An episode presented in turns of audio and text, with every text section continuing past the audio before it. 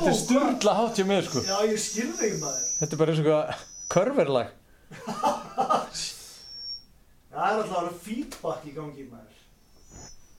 Veitu? Hvernig er þetta núna? du, du, du, du. Betra? En lagið er alltaf Já, Lagið er ekki hérna. Já, býttu þú ert eitthvað Erum við lifandi? Já, já, Já. Við, við, erum- við erum svona rugguhestar í svona við sittum allt í gang og svo bara gerist eitthvað og já, þetta já, byttum við þetta maður. Já, já. Kæmi mér ekki á óvart að ingangsstefið minni hljóma eins og eitthvað gjörningu með körfur. Mm. eða þannig að hljóma alltaf hjá mér. Góðs digital stemning. Getur þú lækkað í mér í mér? Bara aðeins. 1, 2, 3 á suma já, góður hálsar uh, sumafríið uh, er að, að lókum komið hjá alltaf sem blötinni hér eru tveir eskuvinir og rockhundar eh, uh, rútíninu feignir. Og hérna það er bara helviti gott í sumafríinu Það var svo skáldlegt og flott Ég vildi ekkert vera að blanda mér í þessa baráttu sko. Nei, ég sé líka að þú ert eitthvað á tökkunum hérna. Já, já. Það er nú ljómandi. Já, já. Na, Já, velkom Suma fríð maður? Ha? Þetta var ljúft. Hvað gerir þú? Ég fór meðal annars bæði í Kettlingafjöll og í Landmannalegar og svo fór ég líka í Kaldadal Þórisdal og fór í nokkra svona ómæntar fjallgöngur. Þetta var mjög vel vel hefna sumar sko. Ég er alltaf tilbúinn. Eftir gott sumafrí þá er ég rosa mikið svona tilbúinn í sérstaklega september-oktober sem eru svona uppáhalds mánuðinir Mm. Ég er svona april, mars, april, mæ maður það þeir eru ekki, ekki, ekki mikið síðri. Jafnvel bara á pari. Já, á pari Já. Sko, ég var með fjölskyldunum minni mm. sínum, sónum mínum, tveimur og indislegu konunum minni og það var eins og gengur gerist, það er ekkert frí þegar maður er á svona gríslinga og Nei, hérna, við höfum þetta bara einfalt en uh, hápunkturinn var Kaldbaksvík á ströndum Já. hjá, hjá Húnaflóa mm þangað hef ég aldrei komið aður og, og var hann í þrjára eða fjóra nætur og, og hérna það er náttúrulega fullt af ACDC fólki og, og, og, og hérna þau, já, þau eru búin að vera að senda þættinum alveg fylla skilabóðskjóðana að hérna, einhverju ACDC pælingum. Þessi þáttur er til, tilengaðar öllum sem búa í Kaldbaksvík. Eins og Einar Bollarsson sagði, þetta var alveg ótrúlega ótrúlegt. Skemmtilegt. Það er ekki einu svona rafmagnaðar Nei, mitt en ég syndi í húnaflóa. Já, fó, það. fó bara þrjátaði röð bara, Vá. Og, og hérna og, og, og, og kona mín setti drengin okkar í árabát með björkunarvestiða Mm. og í á, árabátin var bundi, bundin kaðall og, og, og við vorum með svona vík og við letum drengina ásand konu minni bara reka út sem leiðir lág yfir í svona aðeins ströym að- og ég var bara upp í háls uh, bara kafi í, í sjónum og hjælt í repið. Eins og ofurhetja. Ég hef sjaldan fundið til mín svona mikið svona, sem svona ég er pappikar Óstrókar, Einmitt. Pappikar er út í sjóin að þeirra skotið skuli skemmt ykkur vel. Já, þetta hljómar vel að segja. bara á sprekinu skuli, ég var ekki ykkur um galla. Nei, nei, nei, nei. að þetta var alveg Hendinga maður að fara í ból hann bara. Heyrðu, nú erum við komnir á undarlega slóðir. Já, skulum segja því að, hérna, að, að svo endurgjöf sem við fengið það er allir sammála um að, að það er svona mikið svona ég hef ekkert almennilega hlusta að flæ man ekki alveg eftir the wall og svo framvegis, eða bara fly on the wall glötuð Svolítið hannig Já, það er hægt að segja uh, mörg orð um, um Fly on the Wall hún er já, kannski áður en ég áður en ég veð í það sem ég er að fara að segja. Þá langar mig að, að því ég eiginlega ég sagði ekki eitt í Flick of the Switch. Það er aldrei og mikið tala um það blödu ég er líka með smá um flikkaran sko. þetta er rétt. Að því að sko ég þú veist að ég, ég, ég er endalaust búin að spá í þetta fylrödd dæmi og, og, og svoleiðis. Mm, og svo, svo kýldi ég á eina hlustun eftir þáttinn man ekki einhverjum dögum setna eða vikum. Og þá bara laust þetta loksins í hö, höfuð á mér fyrir fullt og allt. Fylrödd, hann er ekki á sér blöð og þetta er eitthvað sem ég get aldrei ég get aldrei sanna þetta eða neitt svoleiðis. Nei.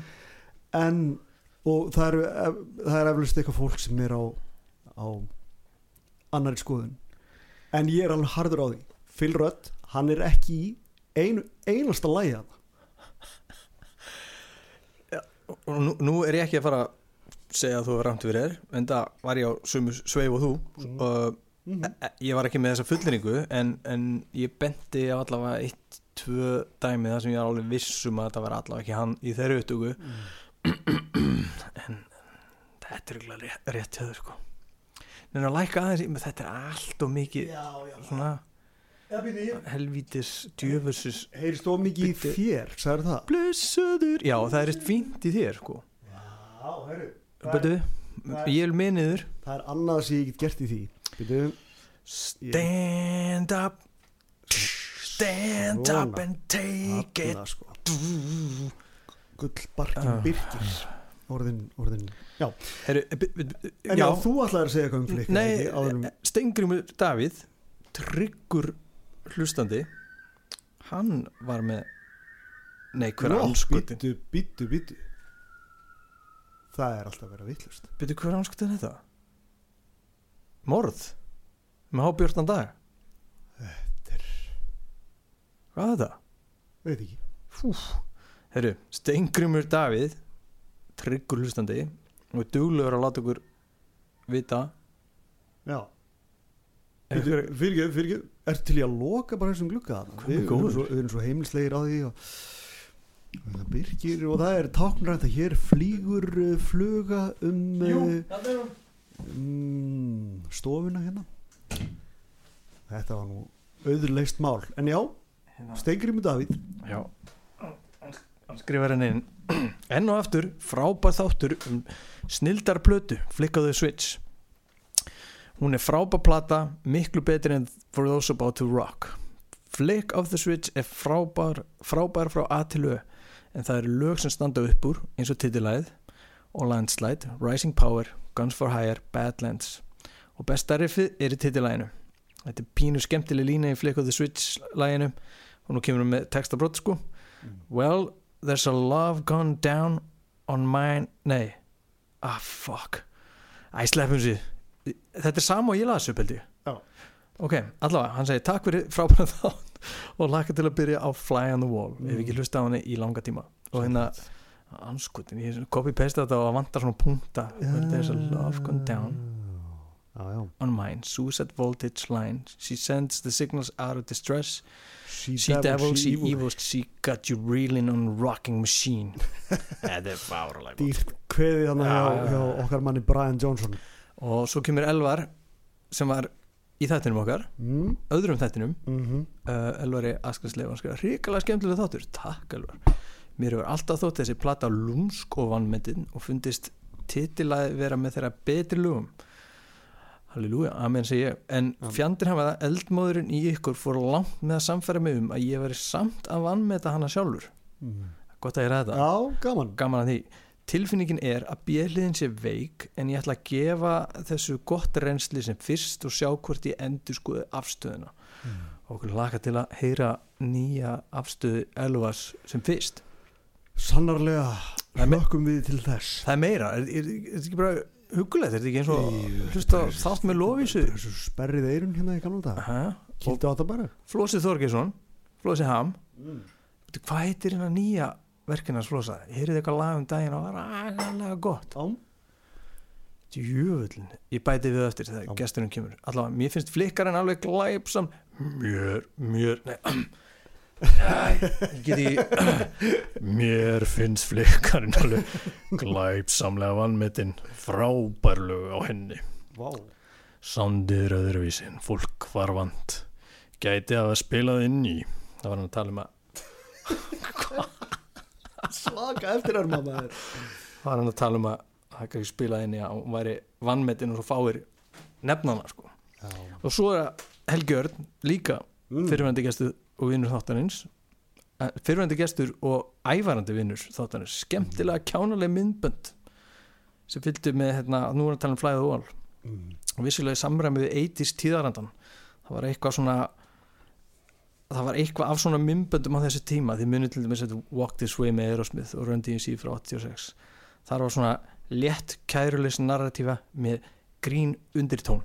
Mm. og þegar hann sendi okkur þetta þetta er í grúppinni alltaf sama platan hópspjall sem ég mæla með allir skullir sinna á þá, hann, hann er búin að búa til svona mymbandslista á YouTube með öllum mymbandunum af, af hennar Fly on the Wall. Þau eru alveg kostuleg sko. Já, já, já, þetta er þau eru kostuleg smári. Þetta er alveg Alveg la la la eins og sagði í læginu en já, En já, hérna bara svo það sé frá gengið flik er komin fyrir aftan okkur, það er að Mm. segja.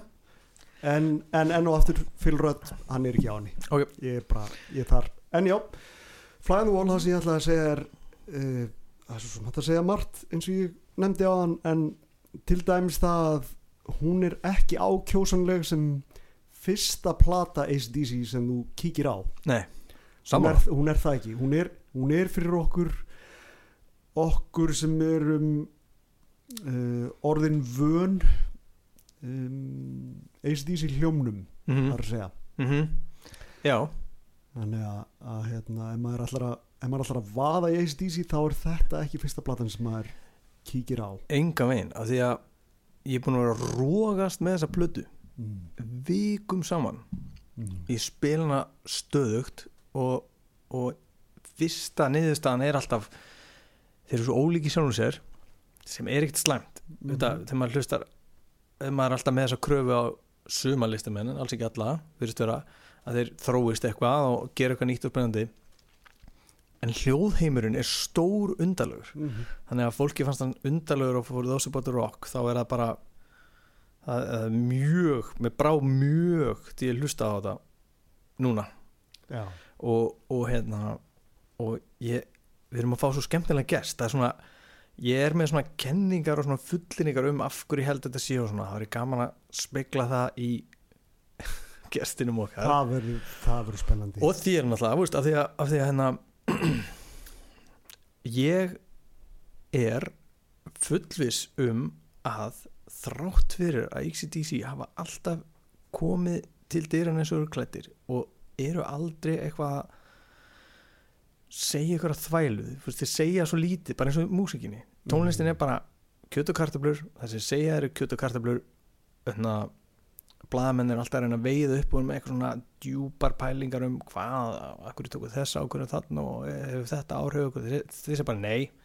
Segja bara nei, rock'n'roll aðdöndunum okkar nei, rock'n'roll aðdöndunum okkar, tónleikar. Þeir segja bara alltaf svona sömu einmitt. Sem er ógislega krútlegt og, og svo eru við viðtölunni eiginlega bara svona eitthvað flip það sem þeir eru bara eitthvað að Mhm. fýblast en svona tala um tónlist og tónlist eðnaðin og tíðarandan þeir hafa engan áhugaði, bara aldrei Nei. það er alveg bara svona sérstaklega eftir að Bon Scott dó Mhm. og hérna það er engin að segja mig það að tíðarandin hafi ekki haft áhrif á svo blödu og mér langar eiginlega að setja pinna bara í þetta bara bráðlega, þeir eru píðana já, þetta var flott. Helvítis píð það maður verður gaman hjá mér að laga þetta. Úff. eða reyna þetta Já, reynir.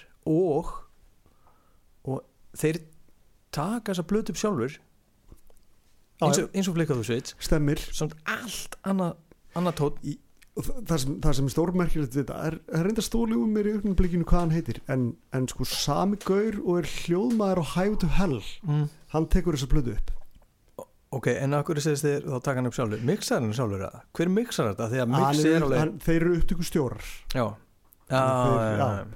og ef út í það er farið að tökum þetta, gesturinn er heldur ekki með þetta ok, hann er svo mikill anskuti sko, F- Flick of the Switch þeir gera hana sjálfur þú veist, það er náttúrulega ACDC sem er, titla, er titluð sem upptökustjóri en það eru Young Bræður sem er stjórnað þessu. Og einhver er ástæðan fyrir því að þrátt fyrir að hún hafi ekki selst í bílförmum mm -hmm. og bla bla bla að þá taka þær ákvörunum að aftur sitja við stjórnvölin. Mm einhver er ástæðan fyrir því. -hmm. þú veist kannski voru þeir ekkit jafn hræðilega óanaði með flikkuði switch og þeir urðu svo setna en þarna allan taka þeir það ákvörðun að að stjórna þessu aftur. Og nú ert þú mjög undarlegur á svipin ég held ég sé að missa heyrnina það heyri svo átt hjá mér. Jaha, Já. býtu býtu ég get svarað það sko. En en núna, en núna? Halló, halló. Þetta er þetta er betra. betra, betra. Já.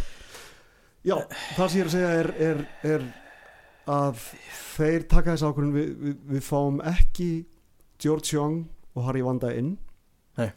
fáum ekki utanakomandi aðla inn á annari plötu í annari plötun í röð. Já.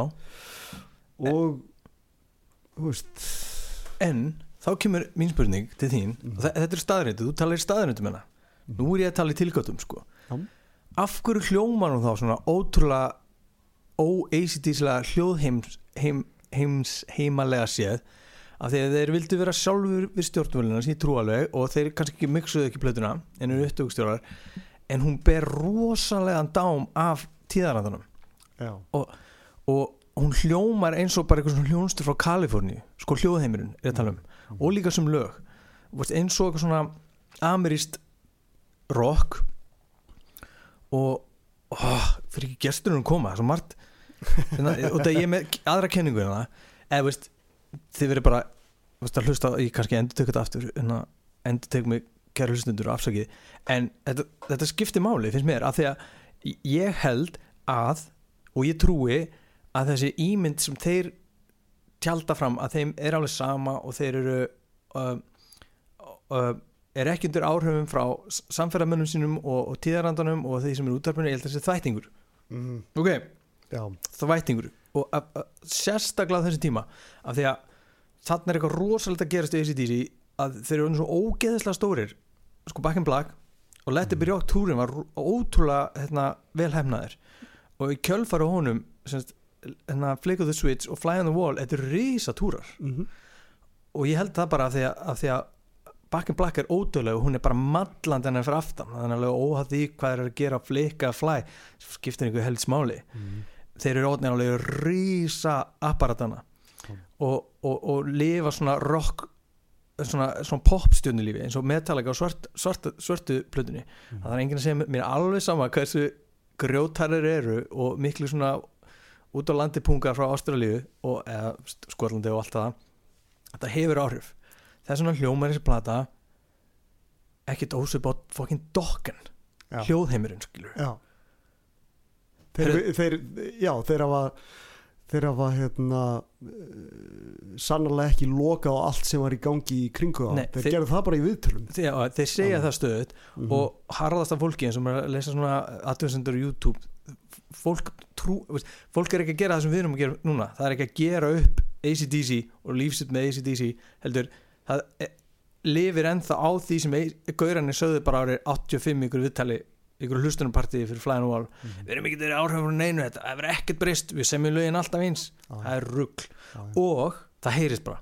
Og, og, og, og ef þú heldur eitthvað annað þá ert í afnetin herru. Já, mér finnst- þetta skemmtileg veist, en ta talandum hljómin á henni að ef við byrjum bara á trommur hljómnum til dæmis er að á köplum þá einhvern veginn gengur hann upp. Mm. um, þar segja að þá virðist vera þokkaleg svona þokkalegt flæði í trommunum. En svo í öðrum lögum að þar eru þær eins og eins og bassatróman og snerillin ef þú kemur með tóndæmi um bassatrómu Nei. já, já. Nei, og svo er að taka og, þetta er snerillin hann inn á milli á Emil. Að það er eins og ég veit ekki hvernig að orða það það er eins og, það er eins og sé nánast bara sitt hvort trommarinn að tromma þetta. Það er veginn svona sundurslitið og bara flæðir ekki. Sko nú er, er, er það að tala um flutning eða hljómin það er Eh, svo að tala um 20 í einu sko, eða ég, bæði. ég held ég held að það sé hreinlega hljómurinn, hann kemur einhvern veginn svona hastur út. Já. þú veist, sérstaklega sneðrillin er alveg þræl aumur sko á, á, og það er hana, í- svona heilt yfir svona yfirleitt finnst mér hann aumur af því að þarna kemur finnst mér mjög töff symbalasand finnst mér mhm, mjög. Já, og, og hérna þannig að hann einhvern veginn tapar alltaf í orustinu við symbalana mhm. og þetta er mjög nördalega spjall. Já, en, já. en hann gerir það finnst mér. Og ég veit heldur ekkert mikið um hvernig uh, TomTom og, og golfpákan er. Af því að Símon, nokkur vr- vrygt Já. vinnur okkar sem er geðvöku trómari, hann fór í díó og bara tjúlaði stað já, já. og hann er ekki nema tvítur hann eitthvað, hann er alveg rár, rár hæfileika mörgtur sko og hérna en hann er ekkert að gera eitthvað riggadegudugudug, ég meina Phil Rudd gerir meira ruggudugudug eitthvað svona Já. ekkert einhverja flækjur en hann er bara í snerlinum og snerill með páku saman og svo bara pss, pss, og hérna bastrúma þannig að hvað sem að ég er reynast lett ekki skópið á trómunum er svo takmarkað á þessu plötu, plötu já. skilur það spannar ekki breytt svið. Nei, skanna, spannar ekki breytt svið, við, já. Akkurat uh, um, já. Þetta er, þetta, þetta er manni mjög hölir ráðgáta því að svo, og við höfum eftir að kíkja á hérna eftir á tónleika upptökur á nokkrum lögum mm, af þessari plötu, það sem Simon Wright er á trommanum og Mm. þá heyrir maður að hann er full fær um að tromma að, veist, að minnstakosti þessi lög ó alveg þrusu vel sko. Þrjusur vel.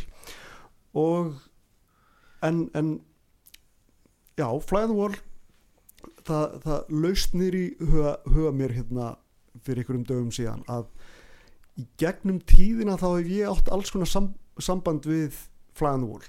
Að fyrst því ég heyrna því ég er á sko ég held ég sé sveimi þá tí ára eða eitthvað áleika því ég heyrna fyrst að það, þetta er náttúrulega ACDC, Mhm. frábært. Já, svo kemur tíðanbíl setna það sem mér finnst bara Fly on the Wall, Vonlaus og já já, og fleiri og, já já. En svo fyrir einhver síðan að þá þá einhvern veginn náði ég að hlusta alltaf á hana þú veist framhjá þessum hnökrum að það er, þetta, það er mjög einfalt að láta þessa plötu fara gríðarlega mikið í töðanar á sér. Mm það er mjög öðvöld sko. -hmm. um, mér- sönghljómurinn á plötunni röddin er röddin er lág Já, Heyrðu, í deg já, halda áram, halda áram og hérna ég, ég veit, veit, ekkert hvað þetta fara ég er, ég, ég er eins og eins og Nei, að maður í láta- myrkri sem blablabla. að láta hérna hljóðheiminn og alls konar svona atriði í í, í, í soundinu Já. færi töðunar og það nefnir hérna söngin hann er ótrúlega lár og, og, og ég bara hugsa allan tíman af hverju í anskotanum er hann svona lár hann er svona áberandi lár Já. sama hvort þið eru að nota heyrnatól eða bílnum eða nota hátalarinn í stofunni hann er bara svakalega lár og þetta er eitthvað svona ákvörðin sem við taka á sama tíma er þetta eina bestu söngplötum bara hans, Brian Johnson. Hann er þrjusu góður á hann og af því hann er svo hérna hann er svo berskjaldur á veist, það er alls konar svona sem að, svona ófullkomið svona uh, kannski smá missi röddin og heyri smá spjallröddin hans uh, framburð, framburðinu er oft stundum ábótavant í svona orðum sem er bara, "Ó, akkur, akkur segir hann akkur ber hann þetta svona fram. Mhm. og, og þar í því liggur ráleikin veist, af því að hún er svo svo fyrirleitt að hljóðið er svo fyrirleitt að það síðasta sem þetta er í huga er þetta ráplata e, e, þvert á móti, hún er of unnin. Mhm. en þetta, sko flutningur hans, eða framista hans er mjög rá Mhm. mjög rá, rá og viðkam og virkilega töff sko. Alveg, koma alveg hrikalega góða augnablík að það sem er bara, yes cool að þeir letu þetta slæta. Já þarna er maður bara einmitt þegar þetta næri kveiki í manni þá er maður bara ah, Brian Johnson. Mhm. indislegt einslegt, en ég fæ líka á tilfinninguna að að ég fæ svona hljómsveitar tilfinningu líka bara yfir stemningunni á plöðunni Aha, það bara, herru, við erum hljómsveit og við erum að gera hérna rock og það er bara góður gýr í mönnum. Aha. Ég fæ það svolítið. Ok, það er, Nú setju upp inn í þetta. Það er, Við erum konar flug. Ég vil ekki klára flugið og vera lendur Ég þegar helvits gesturinn kemur. Hann Og gesturinn er engin annar en doktor Arnar Djöfulsis Hvað við segjum hann? Doktor hann þyrfti Arnar náttúrulega bara að Eggert. að um hann. Doktor Arnar Eggert. Prófessor Arnar Eggert. Hvort var það? Hann er alveg Hann skiptir ekki öllum máli. Hann er góð vinur okkar til margra ára. Mm. Og það er indislegt að tala við hann um tónlist og hann alltaf tala rosa mikið um tónlist í þættinu sínum sem er hérna bestaplatan hérna sem hljóðkirkjan framlegir og þar hefur hann verið við Bibba í Skálmöld, Snæbyrni og Baldri, bróðir Bibba og þeir eru svona uh, tríó sem er farið ekki um hundra djúfusblöður á hundra vikum Það sem er rosalegt. og er rosalegt. ótrúlega góðið þættir sem allir vita. Ég held að allir sem hlusta á alltaf sama platan hlusta á besta platan. Mm. og, hérna, og þeir fjallu líka um Back in Black. Og ég mæli með að fólk hlusta á það og bera það sama við hvernig við fjallum um Back in Black. Og það er mjög, mjög líkt mjög líkt Mm. og hérna og hérna hann er að fara að koma til okkar eftir smá og það verður ógeðslega gaman. Og það sem er gaman líka er og ég ætla að potja með þetta okkur tveim finnst rosa gaman að fíla plötur í kanónu eitthvað svona stóra síkilda hljónstæða sem aðrir fíla ekki. Mhm. finnst lélar og ég held að svona hlakki í Arnari og hann heldur ógeðslega með the wall. Já. þannig að við þurfum eiginlega bara hann nokkur um tíköllum og láta hann bara tjúlast hennar þetta verður svakalegt. Ég ætla að fara yfir- ég ætla að tala um Kaliforni, ég ætla að tala um Glamið mm. á þessu tíma, ég ætla að tala um Sunset Strip Mm. í LA og allt þetta dæmi. Já það er fluga á skjánum, sér það núna? Oh, Vá hvað þetta er, allt hérna bara. Uh, Ég vil nú kannski svona segja við hlustundur það er mjög langt síðan við tókum upp síðast þátt en við erum mögulega smá reyðgæðir já, já. marga blöður eftir. Já, já, já, við erum í bóði matarbúðarinnar nándin í Hafnafyrði Já.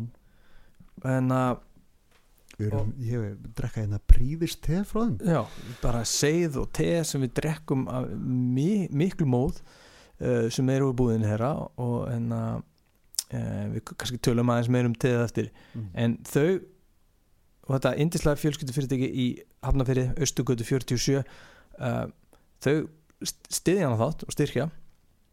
Og hérna hann að við erum í bóði nándarinnar og við, auðvitað viljum við að allir uh, fylgi þeim á, á Facebook og Instagram mjög töff Insta, Instagramið þeirra og að fara í búðina hún er söguríkari og þetta er mikil upplifun að hanga henni inn í búðinu og, og smakka dót og Mm. að endingu plastlaus verslun og alls konar upplýsingar og svona um, ærandi svona um, gýrun að vera með í einhverju svona neyslubyltingu þannig skilur, að vera með svona ábyrga neyslu. Og hvort það er eitthvað sem treður upp í kjáttina þér eða smyrð á veggina hjá þér eða í sturtubotnin eða eitthvað inn í þóttalina og svo framvegis þau eru með þetta já, tjekkja því. Takk nándin engin spurning.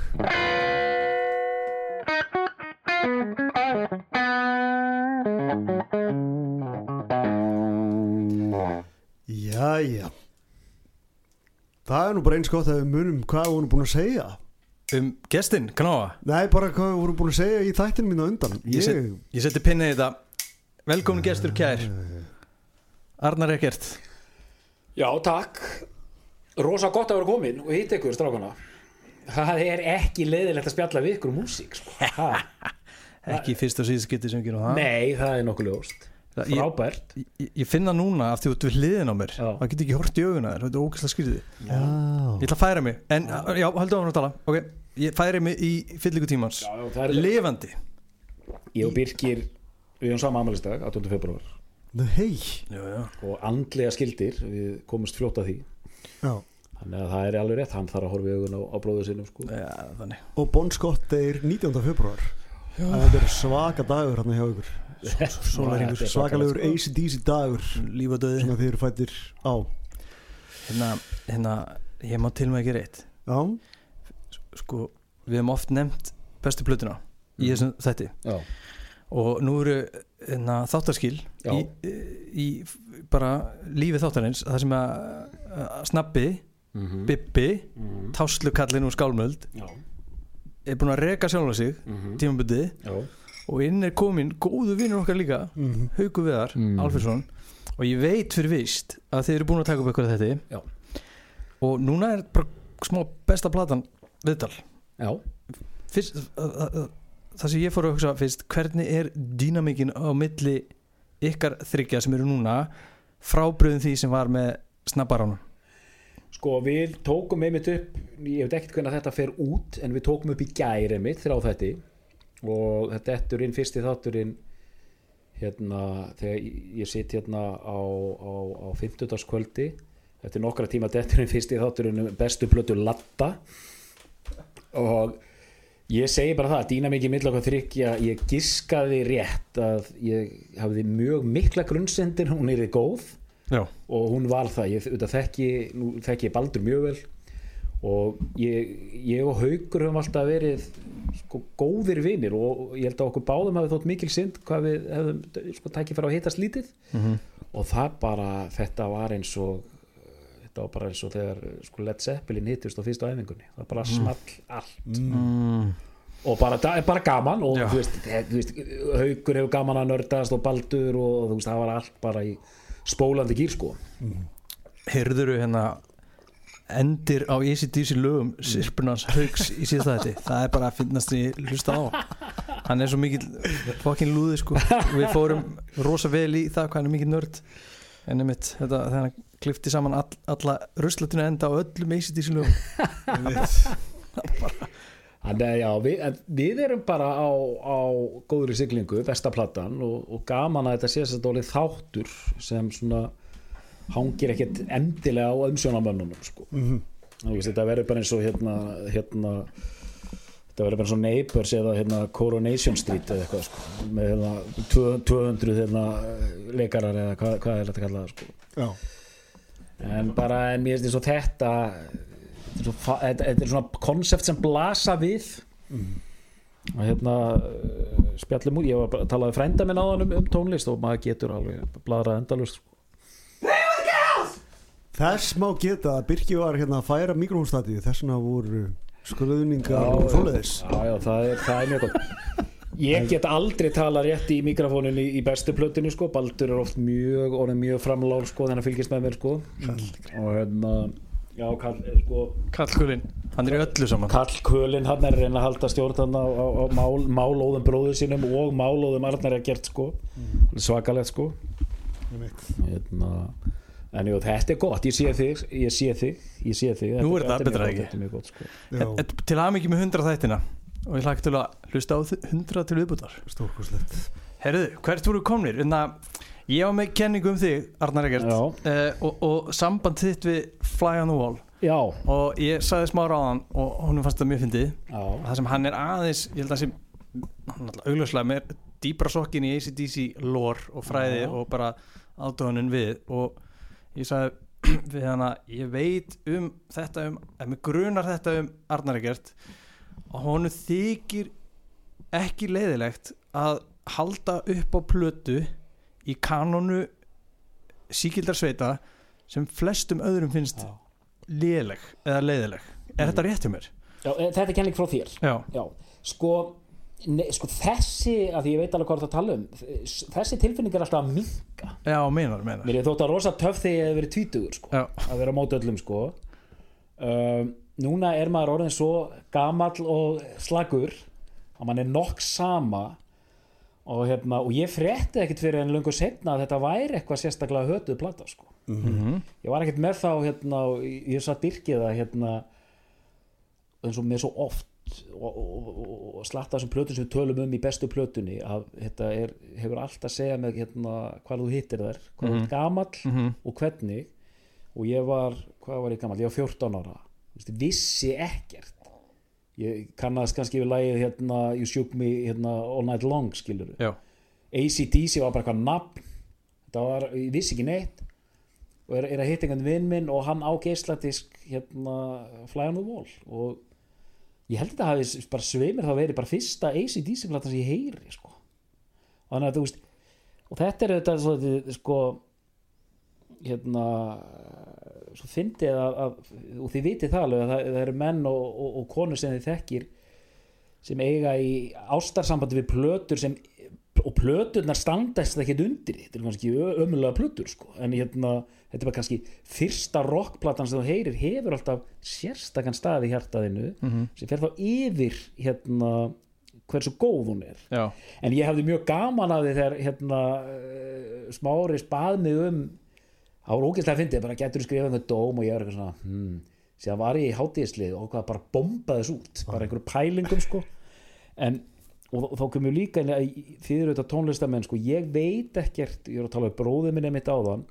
Ég veit svo lítið eða hef, hef lítinn sans fyrir slæmu sándi og, og hérna hann kom inn hérna ég var hérna að tala vel um on the Wall á fjarsbókinni og, og við fekk einhver læk þarna. En þá kom nafni minn, hann hérna Arnar hérna bassarleikari var hérna í Bíspæters Arnar Hreiðarsson hérna frændars Jónsa í hérna Sigurús já, spilaði líka ég. Mm þið veit ég hvað náðum Jú. já, já, já. ég er já, og hérna Arnar er klár sko og pælari og hann, þá kom hann með sko svona 10 cm djúpa sem sagt, pælingu þar sem hann og þið þar sem hann segir bara já já ok Arnar hérna, ég var ekki á þessum stað og þú ert, ég skil hvað þú ert að tala um og bara virði það.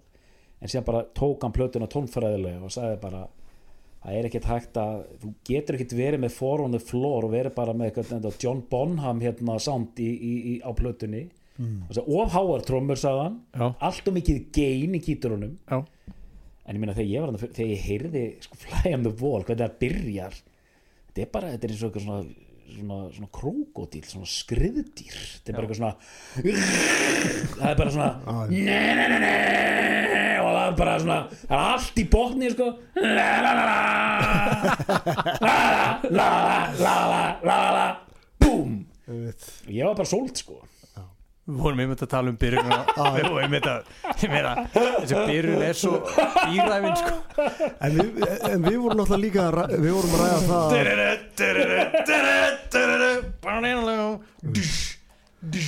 en við vorum líka náttúrulega að ræða það að, að mér hefur tekist í, í mörg mörg ár að hlusta fram hjá hnögrunum sem, eða sem ég leit á sem hnögra já, í ráður á þessari plötu og núna í, í dag mynd, myndi ég ekki vilja að hún væri neitt öðruvísi.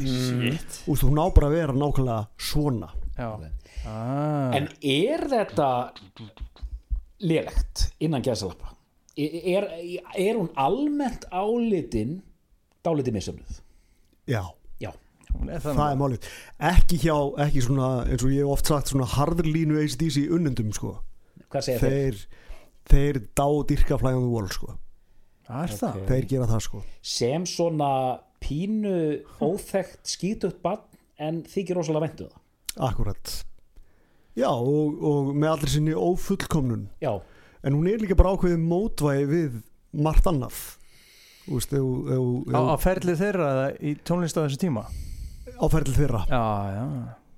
Sk- sker sig alveg smá úr ég, ég, ég var náttúrulega að byrja sko því ég setti pinni í þetta áðan og það var það sem ég vildi tala við þig Arnar mm. ég veit ekki hvort þú hefur lesið til um þetta en, en á þessu tíma er sko og vorum, ég var að mynda að segja við smára á hana það getur ekki verið að þeir hafi verið svona einangraður eins og þeir segja Vist, það er hluta þeirra ímynd að vera bara ósnertalegir af trendum hvers tíma fyrir sig Mm. þeir hlusta ekki aðra hljónsutir hlusta bara gamla blúsin og svo vilja bara rocka en á, á þessum tíma eru þeir orðnir risastórir og ég nefndi af hverju á hann og þeir eru bara risastórir mm. veist, Mhm. flikaðu switch og það sé ekki stór plata var risatúr. Mm Fly on the Wall var risatúr líka.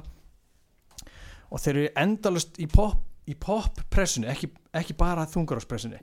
Og, og, og á þessu tíma eru Mötli Krúeldi er að fara að gjóta þriðju eða aðra plötuna sína, Já, Theater of Pain. Að þeir eru komin í gang. White Snake er að breytast í David Coverdale hérna, glambandi svona, Mm. Já. sem var að þarna setna þegar þeir svona endur skópu sjálf sig þetta er að gerast á saman tíma fokkin Dokken er þarna Van Halen náttúrulega Van Halen. Van Halen og Kiss er að gefa út hérna Lick It Up held ég já. eða eitthvað svona þannig já, já, og það, það er alls konar svona drulla í gangi og það heyrist pingu á soundinu þess vegna er það svona Er það, löss og stórt já. Já.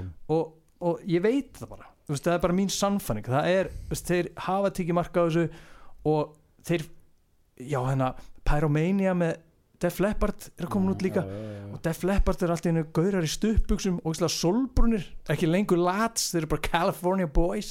Og þú ert að tala um þá svona stórt bombastic Já. sound eh, 80s eða hvað? Já, ok, og, en gítarinn svo, en þessi, mér fannst alltaf svo merkilegt sko, hvað gítarinn í Fly on the Wall er bara, sko, þetta er bara kortir í black metal sko. já. hann er rosa kvass og hann er drifin sko. rosalega kvass og, og rifin Já. Já, var- varst að segja það? Já. já einmitt, Hann er ég, mjög ég fullkomlega sammála. kvass og rifin Já. svona. já, já.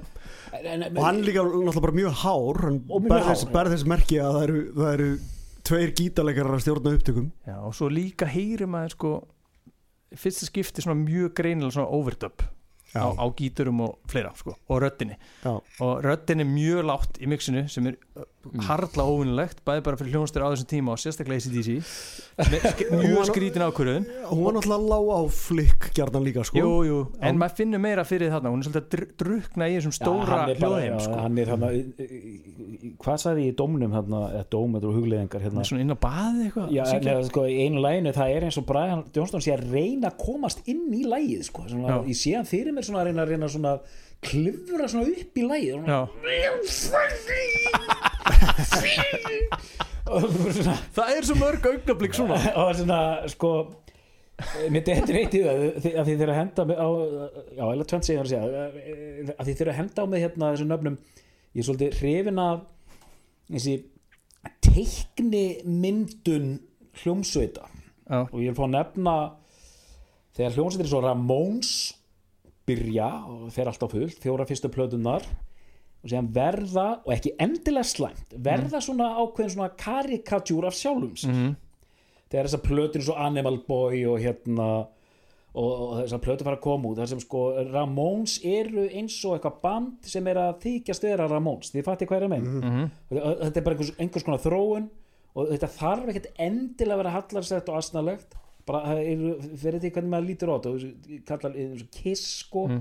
eru, eru allt í norðin einhverjir hérna, jú- júlar hérna er eh, og það er til betri dæmi um þetta sem sko hljómsveit byrjar einhver staðar og 20 ára setna er norðin svona einhver svona ég er ekki að, að því ég vil ekki segja sé, eitthvað svona bergmál á sjálfum sér það er oft dramatíst, bara þetta er orðið svona meira svona streamlined bara hérna teiknimynda útgáfa sko. Mhm. þetta er bara eins og sko bara eins og Road to Ruin með Ramones þar sem þeir eru bara cartoons framan á sko. Já, og kannski, og ég veit ekki hvort þetta er rétt hjá mér að ACDC þetta fer þarna í, í þetta 70s dæmi sitt sem kemur út af Back in Black hérna, About the Rock Flick of the Switch sem alveg, það var svona plata eins og heyri, ég var í einangur var, ég var ekki að tala við neitt um þetta. Þetta Nei, er hérna late 80s það er engir hérna, samfélagsmiðlar eða, eða snjálfsímar í gangi ég pikka bara Flick of the Switch upp hjá hérna Sævari hérna í videosamnaranum skilur já, og bara já, flott og flott hérna uppleift hérna cover sko. Hérna blíjantstekning og hann hérna hangandi á einhverjum svits þarna. Og mér fannst þetta flott. Og hérna fer með hana heim og ég vissi ekki neitt, það var enginn að segja mér neitt. Og bara, mér fannst þú svo flott sko. Rising Power og allt þetta og bara svona, já, þetta er, þetta, þetta er gott stöf og síðan kemur síðan auðvitað, þú veist, hérna blow up your video einmitt, sem er svona þú veist, vid, hérna, videoð við Heatseeker þetta er algjörð svona MTV Mhm. teiknumittaflip Mhm. þannig að þegar hann hendir húinni á switchin sko, þetta er þetta bara geggjað sko. ógeðslega flott annað einn snildarlag bara frábært og þannig á milli kemur auðvitað Fly on the Wall með henni er auðvitað sko, það er teiknumitt framan á hérna, það er, það er suðandi fluga og sen er ég að fá það að heyra það eftir á að tónlistin mattsar líka einhvers konar cheap innan feitra gæsalappa element. Mhm. og það sem ég finnst svo ógeðslega skemmtilegt við þessa plötu, það er hérna hvað hún er svona, svona fallega tost off á, á, á, á, á, á, á göblum og ég ætla, bara að henda þessu út núna og ég gleymi þessu að hérna lög eins og þegar maður hlusta á þetta, þessa texta og sérstaklega setna, ekki því ég var nýbúin að kaupa hana því að ég er að fara að hlusta á fleiri, meiri og alvarlegri músík og ég er að hlusta á þetta aftur.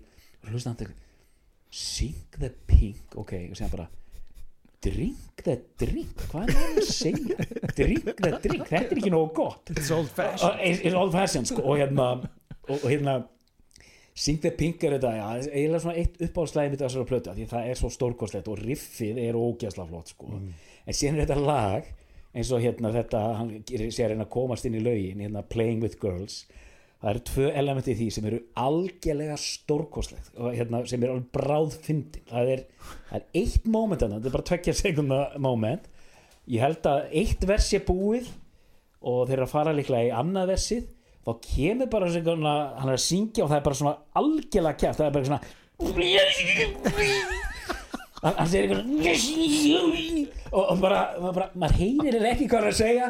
Og, bara, og, og það er allt í botni í kringum hann, gítarannir er bara svona trómmunar hérna. Og það heyrir svona hann, hann er svona eins og sko þetta er bara svona, móþreður gamlega hans latta sér reyna og síðan endar lægið ég sé þetta bara fyrir mér. Það er bara, ok strákar hvernig eigum við að klára lægið þannig að bara ok, ég bara get ekki meira segir Brian Johnston, ég er ekki með fleiri hugmyndir. Sprakk Ég- ég- ég- æðin henni Já, ég er ekki með fleiri hugmyndir. Og bara, heyrðu hérna, ok, klárum þetta bara. Þú öskrar bara playing with girls aftur og aftur, ok, ok. Og það bara, og það bara maður heyrir það eins og sé að vera að taka ákvörðuna bara uh, uh, playing with the girls! Playing with the girls! Playing with the girls! Playing og maður bara svona djúvel er þetta ódýrt og æðislegt sko, æðislegt sko. Og bara og það er sko og þannig er eitthvað svona cheapo effekt sem ég finnst að vera heitlandi en það er svo gaman að tala við sérfræðingana að hérna hversu djúft er á þessum cheapo effekt. Og maður svona, maður þóru alltaf líka maður þóru alltaf að tala um þetta sko. En í- þú- þið takið þessu alveg rétt einhvern veginn sko, því að hérna eins og Iron Maiden, það er hægt að dyrka Iron Maiden en það má alveg hlæja þeim á völdum köplum, getur við sagt sko. en svona já, svo, svona horfir þessi plata við mér en, en ég þetta æstist allur þegar maður fekk með þessar upplýsingar að hún væri te- temmilega hötuð sko. þá varði ég þetta miklu æstari Já. í ástinni sko. Já, Vá, já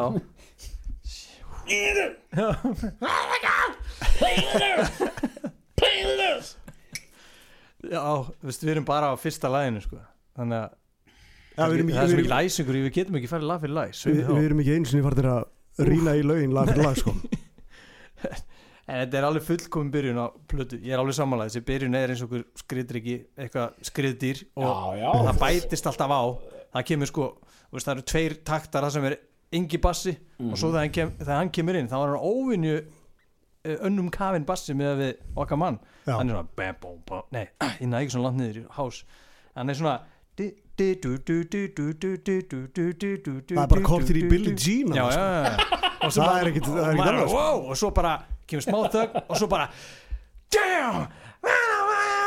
Beint í kórus beint í kórus það er rosalegt. Já, ég meina svona byrjaru plötur. Þetta er svona mjög dramatist veist, gítarinn fær svona og, þú veist er þarna í gangi sem hann kemur hann kemur fyrst einn svona já, já.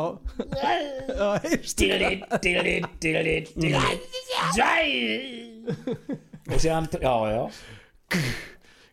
I was trapped like a fly on a wall. I was caged! Like a zoo animal! Þetta er gott lag. Já, nei, menn þetta er geðið lag. þetta er alveg bara styrla lag og svo kemur hérna Shake Your Foundation sem ég veit að þú dýrkar. Mm. og hérna og, og það er svona óvinnilegt af því að það er, það er mjög sexy lag og þetta er svona eiginlega fyrsta svona þeir eru alltaf að tala um rýðingar og, og munnmög og allt þetta dæmi. Og dömur næturinnar og allt þetta dæmi þeir bara þreytast ekki. En lögin eru ofta svona grottaraleg sko, og eru svona mikið rock. Já, já. en þannig er alveg svona sexy. Og þá er ég aftur bara þeir vita alveg af Kiss þeir vita alveg af Def Leppard Já, já, þeir, þeir vita að Kalifornia er staðin til að vera á sko. og það, það er svægi í þessu lagi sem er ekki svona fara að berja ykkur svægi eða lendi vandræðum svægi heldur bara eggjandi erotist svæðið þarna. Shake your foundation það er, er það hérna Nei, það er, það er First, First Blood, það er hvernig Shake your Það, það er bara, ég held að sé málið að, að því að uh, við ætlum nú að bjóða upp á tóndæmi hérna að sko nefna aðeins framstöðu Simon Wright. Við vorum aðeins byrjað henni að því að, já, að því að við vorum búin að nefna hérna að hann er að koma nýr inn trommur hljómur, jú trommur hljómurinn er undarlegur á þessari plötu og oft virkar trommur leikurinn eins og hann sé hastur. Hann er eitthvað svona skrítinn og uh, við Birgir höfum náttúrulega kíkt tölvert á þetta og hérna hann er nefnilega alveg frábær á tónleikum þar Já. heyrir maður miklu betur að spila lögin sín að spila lögin sína minnst Já. þústi þannig að ég held að sé ekki fjarlægi að, að hérna, fyrir ja, afsakið, að það er ekki Já. úr vegi já. að við hérna skellum okkur á tónleika á the Wall nú gæti gert tónleikaferðinni, hvernig fyrir aðeins við það? mér finnst líka þetta lag sko þetta hljómar er svo lag sem myndi vera nummer þrjú að fjögur hjá flestum öðru hljónstum þannig að þetta er svona óvinnu óvinnu svona temprað lag nummer 2 já, lag nummer tvö sem er með þá sko. Ok, geðveikt sóló í þessu sem er meira svona stemning heldur en shred. Ógeðslega gott sóló, svona langt. Eigum við að henda okkur í það já, já, endilega, endilega. Svona brjála fyrsta texti. Shaking foundation.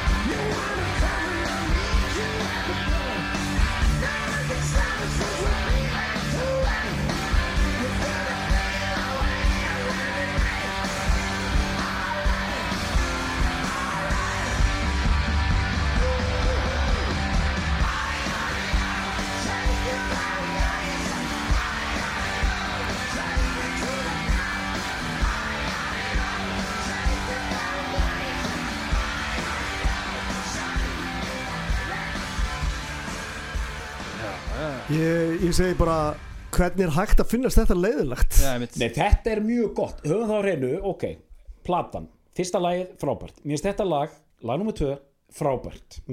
Mér finnst ég rosalega hrifin að gítarnum í byrjun, hann er mjög svona hvað segir maður, klingjandi hérna svona bjartur.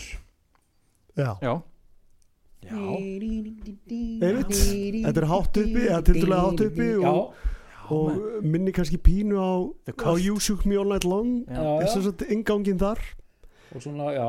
Mér finnst þetta líka drullu áþekkt The Cult bandinu. Já, það er rétt, já, það er alveg hárrétt. Það kemur svona svona ánguverð þetta er, þetta er, þetta er, þetta er, er kvöld í þessu já, sko. þetta, bara, þetta grúar vel.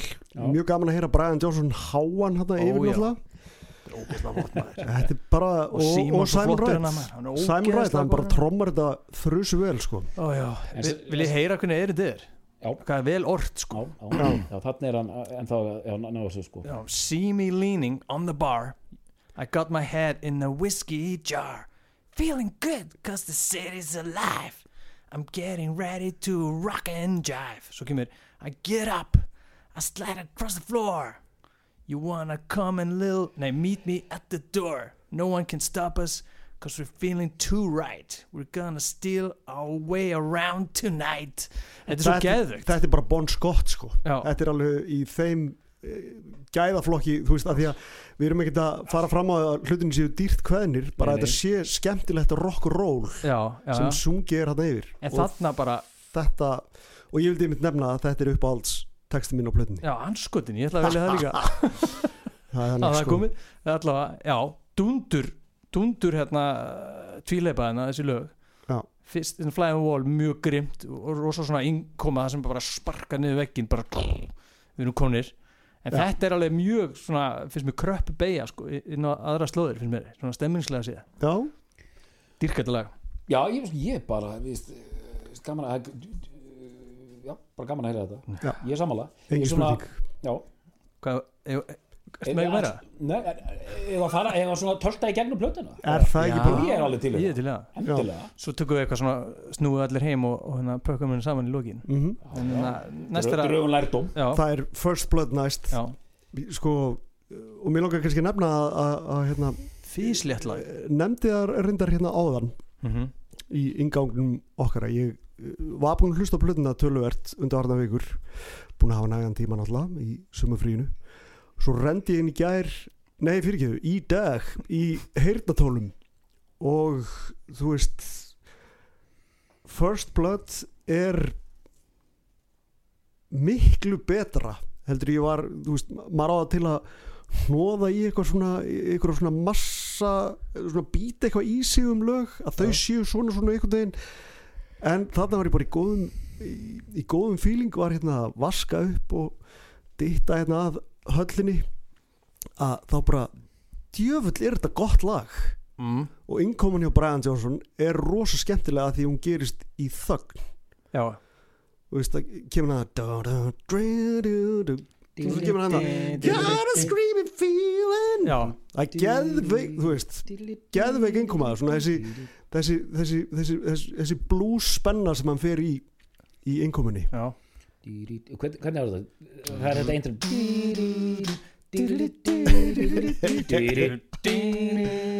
hvernig er það að fyrir að stað? Ha, hvernig er það síðan það að fyrir að stað? Það er fyrir að syngja? Nei, hver- hvað er svona meginriff það er bara nei, þá slepp þá, þá dettur þetta út og já, kemur já, stæðin já, það er bara trommur og hann að syngja. Já. Já. Einmitt. Stórkoslegt og þarna kemur einmitt þannig að fyrsta svona tæknibrellan í, í trommu sögu ACDC, það kemur svona svona snerilbreyk sem er svona bara flam svona, já, og það kemur rosa bergmál og svona noise gate eitthvað svona dysh, mhm, einmitt. Og er svona bæði sko stemningin í þessu lagi er svo lauflétt að hún er alveg svona Def Leppardlega létt sko því þeir voru svo fe- feiki feiki hérna kátir og svona léttur og leikandi og þetta lag er alveg svona óvinni létt og leikandi. En mér finnst líka þegar maður er komin í þetta lag þarna er maður á, í lagi nummer þrjú að mér finnst mér finnst maður að vera svo nálagt hljómsveitinni. Mér finnst það svo skemmtilegt. Það var svolítið í gangi á Switch náttúrulega já, að því að við vorum búin að ræða það að þeir voru búin að geril sneiða þarna eins og þeir gátu þrjár plötur í röð með möttlæng og Já. bara núna gerum við þetta sjálfur bla bla bla en mér finnst Fly on the Wall meira sem meira í áttina að bara bílskurnum og maður er bara miklu nær hljónstinni heldur en á Flick mér finnst það, það er Já. einhver, það er einhver gleði þarna sem ég skinja sem finnst skemmtileg já, ég meina það skila sér í tónlistinu, veist, hún er mjög létt og svona grallaraleg sko Já.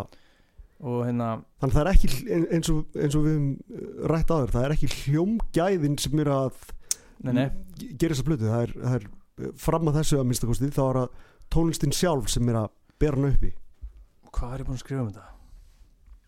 já, nei, Já. nei það er bara grettulag, var ekki First Blood er hérna er hvernig sinnum. viðlaði eftir? First blood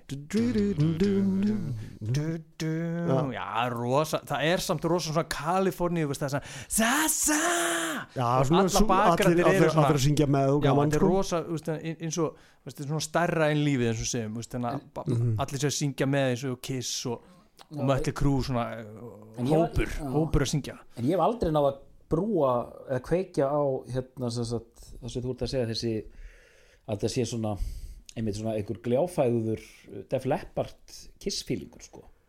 Ég, Ég finna stert Birkir tengir rosa sterkt Já. við þetta sko. ég, ég, var, ég, og, og ég held að segja þú veist ég, ég hef al- aldrei, aldrei fattað það sko. Eða aldrei hugsað að- á þeim nótum að hérna að þú veist eins, eins og þessar plötur hérna með Def Leppard, Pour, Pour Some Sugar on Me og þetta, þetta, er svo- þetta er rosa bombastic element sko. Mhm. En mér finnst þetta svo skrítin plata flæðanuð vola því að við erum eiginlega nú erum við eiginlega búin að tala um það á sama tíma hún sé rosa eh, hérna bombastik og, og gljáfægð sem er ég mm. en um leið bílskúrsleg já, já, já. Hérna, og, en og það er ég held að þetta geti alveg farið saman sko. Já, já, en það er líka út af því að þeir ná kannski ekki alveg sömu hæðum í hljómi á þessari blötu og þessar hljómsættir sem voru nefndar. Nei, akkurat, það er það sem ég ætla hún er, hún er innan gæslappa eitthvað mishefnuð Já, það, það er það sem ég ætla líka að segja sko, þú nefndir að það væri svo bombastikna Def Leppard og Kiss og á þessu tíma sem bara, ef maður situr í það bara eins og vera á okkur leikvangi bara Já, já. búsh, svona sem er lokað sko, ekki út í tónleikum, heldur bara svona ofur sound. Og það er eins og þú veist, það er eins og það hefur verið meiningin hana og þeir taka þetta upp sjálfur eins og smári segir og það er eins og það hefur verið meiningin að gera eitthvað svona Ah. stórt fyrir þennan marka en Já. það gerist bara ekki á blötunni þess vegna verður hún svona pingu veist, svona klunnarlega þessar viðlenni sinni en hún er samt rosa hrá undir eins og, eins og að tala um hérna áður en þú komst. Veist, öll mistökin en að geðslapa í söngnum og svo svona trommur sem hafa ekki verið hugsað til enda og, og, og það öllum fylrödd allur trommulegu fylrödd er bara hugsaður til enda það er bara, hann er svo herfóringi það er bara gert svona, alltaf eins, boom en ekki Já. þarna. En akkur fengur þá ekki einhvern svona dúta til að gera þannig plötu ef það var pælingin? Sko það er, ég held sér góð og gilda ástæði fyrir því að þeir fá Simon Wright inn hann, hann hérna. Á þessa blötu já, Til að blanda. að- já, sko, hann er búin að tromma með þeim hann heil, heila tónleikaferð Já, já, já, skulum ekki já, gleyma já, því já, sko. þannig að þeir, þeir væri ekki að fara að henda honum hér inn í hljóðver með sér nei ég meinti akkur fengur ekki svona upptökustjóra já, upptökustjóra já, heru, Já. það er það er nú reyndar eitt sem mér datt í hug í því samiki sko. það er að þeir eru sko við nefndu það í síðasta þætti að, að það hefur aflítið farið í töðanar og jóngbræðurum að það var alltaf að vera að tyggja það onni að Mött Lang hefði gert það frábærar sko. já, og það er Já. hundleðilegt sem, sem tónlistamæður hei, já, það, er ekki ykkur upptökustjóri sem gerir mig frábæran og gítar. Já, já. Þú veist, það er ég sem gerir mig frábæran og gítar. Og, og bróður minn sem er geðuglug þannig að þið getur bara átt ykkur sko. þannig að þeir sem sagt, er að gera sem sagt, sína aðra blötu hana sjálfur, ég held að kemur ekki óvart. Bara herru, við erum búin að festa okkur í sessi. Við erum að spila hérna í arena höllum og þetta gengur bara þrjusu vel. Við fáum hvað? Miljón dollara fyrirfram frá st stóru fyrirtæki mm. til að gera blötu það fer allt í bátana. Herru, við bara tökum okkur hérna 70% af því sjálfur Já. og greiðum svo ykkurum það kemur heldur ekki á óvart sko. Nei, bara heyrðu, við erum hérna vinnandi menn. Já.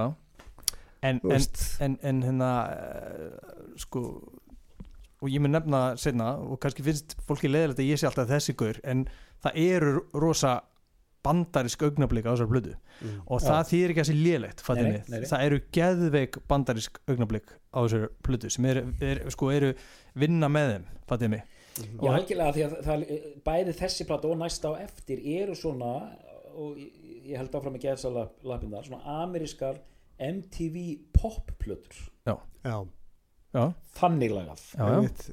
Já, fyrir alla peningin og annað merkilegt að þetta er fyrsta platan á ferlinu sem kemur er tekin upp og gefin út tveimur árum eftir fyrr rennaran skiljið mig, það var alltaf komið eina ári og jafnvel oftar skiljur það náði ekki einu svona einu ári ekkert hjá Mhm. á milli platna.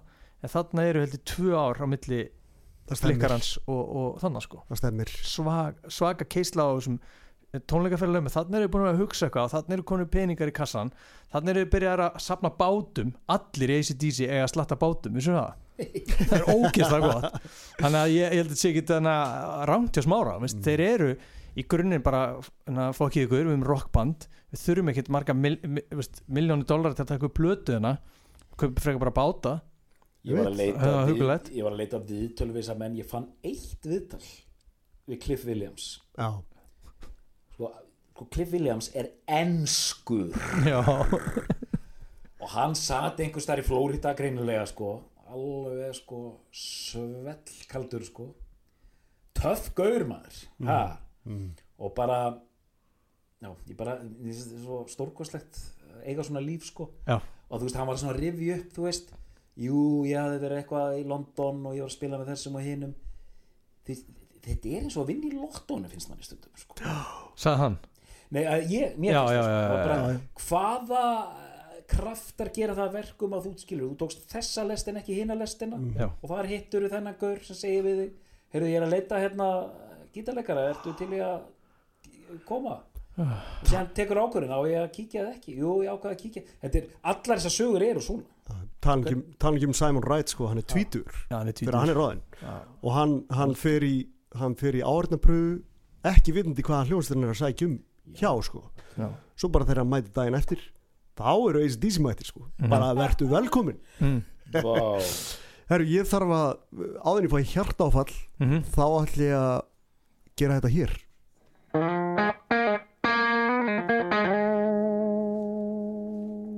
Já, já, við erum dotnir inn aftur strákar Mm. já, það er danger er Það er danger fram að, já svo, hvað er að segja á, sko, á Brian Johnson árunum þetta er skrítnasta lagið uh, til þessa. Sist, á, á þessum tíampunkti skrítnasta bræjanlægið Já, Það er líka svo hægt. þunglamalegt. Nú heyrðist vel í mér. Já, þetta er gott. Já, Don't talk to strangers Keep away from danger. All the time Þetta er alveg já, og röddin fyrir niður þú veist. Hann, hann er ekki að Það er þetta uppi, mega sko. töff Já. Já, það er nefnilega skemmtilegt að fá þetta frá Brian Johnson. Smári, sér það eftir að fengi okkur tvo hennar Nei, samtímis? nei, þetta er ég skal reyna að halda mér rólegum bara, þið bara Æ. sko þetta er, þarna er einmitt lag sem þú veist, þetta er fjóra lagi þarna er maður, ef ég tala bara algjörlega heiðarlega og sem svona þá, þá er maður svona hmm, Já. svona, hmm, Þetta er ekki gott lag svona 6 out of 10 Já. kannski sko Já, Ég er meira svona 4,5 hvað er svona skrítið þetta lag? Það er, sko, það er undalegt fyrir margar sækir það er, Já, það er til dæmis uh, ingangurinn á gítarnum uh, hljómurinn er eitthvað svona nánast í átt af sellói það er svona gírin sem ég fæði þú veist eins og hann hafi hallað nöglinn svolítið þegar hann spilaði það byrja svona gleg, gleg, gleg, gleg, gleg, gleg, gleg, gleg Það er svona eins og það er svona eins og hérna er svipa og Æ, ég setja bara í spjallræðan eftir, það er alveg fáraleg tengi hjá mér. En já, alltaf fer- hvað, eftir þetta intro, hvað kemur síðan áttur? það fyrir bara beint í söng Já. og trómur og gítar og hérna og ég hef eitthvað gaman ég ætla ekki að ganga svo langt að segja þetta sé eitthvað stórkostlegt lag en ég hef samt gaman að því sko. Já, Mér það er einhver- mér- það er frábröðu og það er einhver ég skinja bara einhverja stemningu í í mínum mönnum. Ok. Þannig að, Já, sko, en já. þetta er skrítið íslag, skulum við segja. Mér finnst það undarlegt og hérna líka læ, hérna, textin er bara um að vera blindfullur en ætla samt ekki að gefast upp að reyna við ykkur gælu mm. hann er alltaf svona alveg að sopna sko. Svo færi þessi aðeins meira Brenda þessi og rífur sig í gang. Akkurat. Ógeðslega gott. Og svona sama tíma sko þetta er svo eins og við talum sko að tala um hérna, nöðgunamenningu í samingju Mm, eitthvað, eitthvað lag sko sem náttúrulega maður skoðar þessa texta með þeim 2021 glerónum hérna byltinga glerónum þá er þetta bara, bara gengur þetta ekki sko. Og í þessu lagi er svona bæði veist, að vara við að eitthvað ráðist á þig sko. Og þetta er kona sko og bara vera að ekki tala á ókunna og sko að- að þetta viktum að setja ábyrðin yfir á. Svo sem, sú sem mun sennilega verða uh, brotaþólið eða eitthvað svoleið skilju og svo líka svona partístand líka í sama læginu bara "Ah, ég er svo fullur með skilju Kall rembu band sko. Já, já, Alveg, þetta er sko. fullkomlega sko. en hérna En svona í lokin á aðliðinni þá, Mhm. þá ætlum við aðeins að, demba okkur í tónleikastemninguna aftur Já, að því við getum það án þess að verða hérna, ristir á hól já, já. Þannig að heyrum lokalag að plöt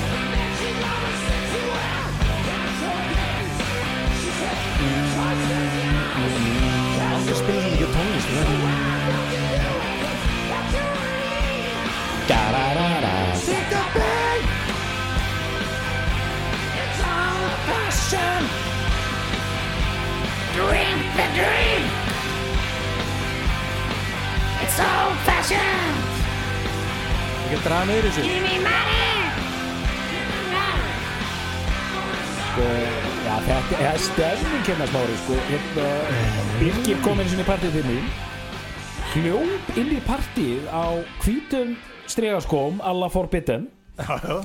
Settist niður og bara er trommaði heila Forbidden blötu bara eins og ekkert var í sjálfsögur sko. sko, þarna loku við hlið A með sko, þetta er nú mikið gæðalag. Já, Og mikið stuð. Mikið stuð, þetta er svona lag sem hefði þess vegna geta opnað blöðinu sko. það er sama svona þú veist Þetta hefur verið brjálæðislegt lagar um tvö sko. Já, þetta er svona þú veist það er svona, þú veist, það er, það er svona hérna þú veist, byrja svona eitthvað, þetta er svona ég kalla þetta, það er eitthvað að fara að gerast byrjanir sko og síðan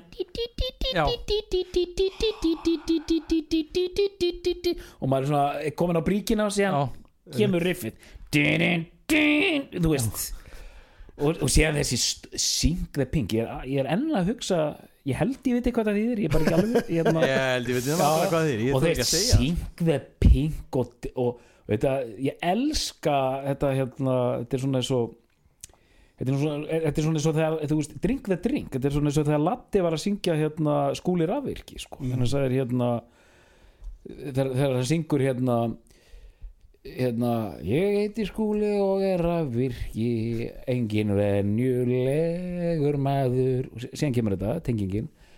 Alin upp á rafmagni alveg þræl rafmagnaður. Þetta er svona Latti, þetta er ekki gott. Þú verður að endur sem með þetta. Nei, látum þetta bara fljúa sko. já, þannig að það var ekki verið að reyna að finna eh, þú rýmar drink við drink sko. já, An, a, Svo er náttúrulega eitt í þessu að framliðinin hjá svona liði á þessum tíma mm. djúðlega góð texti þannig að það er menn er ekkert mikið að staldra við og, og, og, og hérna, greina það sem þeir eru að gera þeir bara dundra þessi gegn.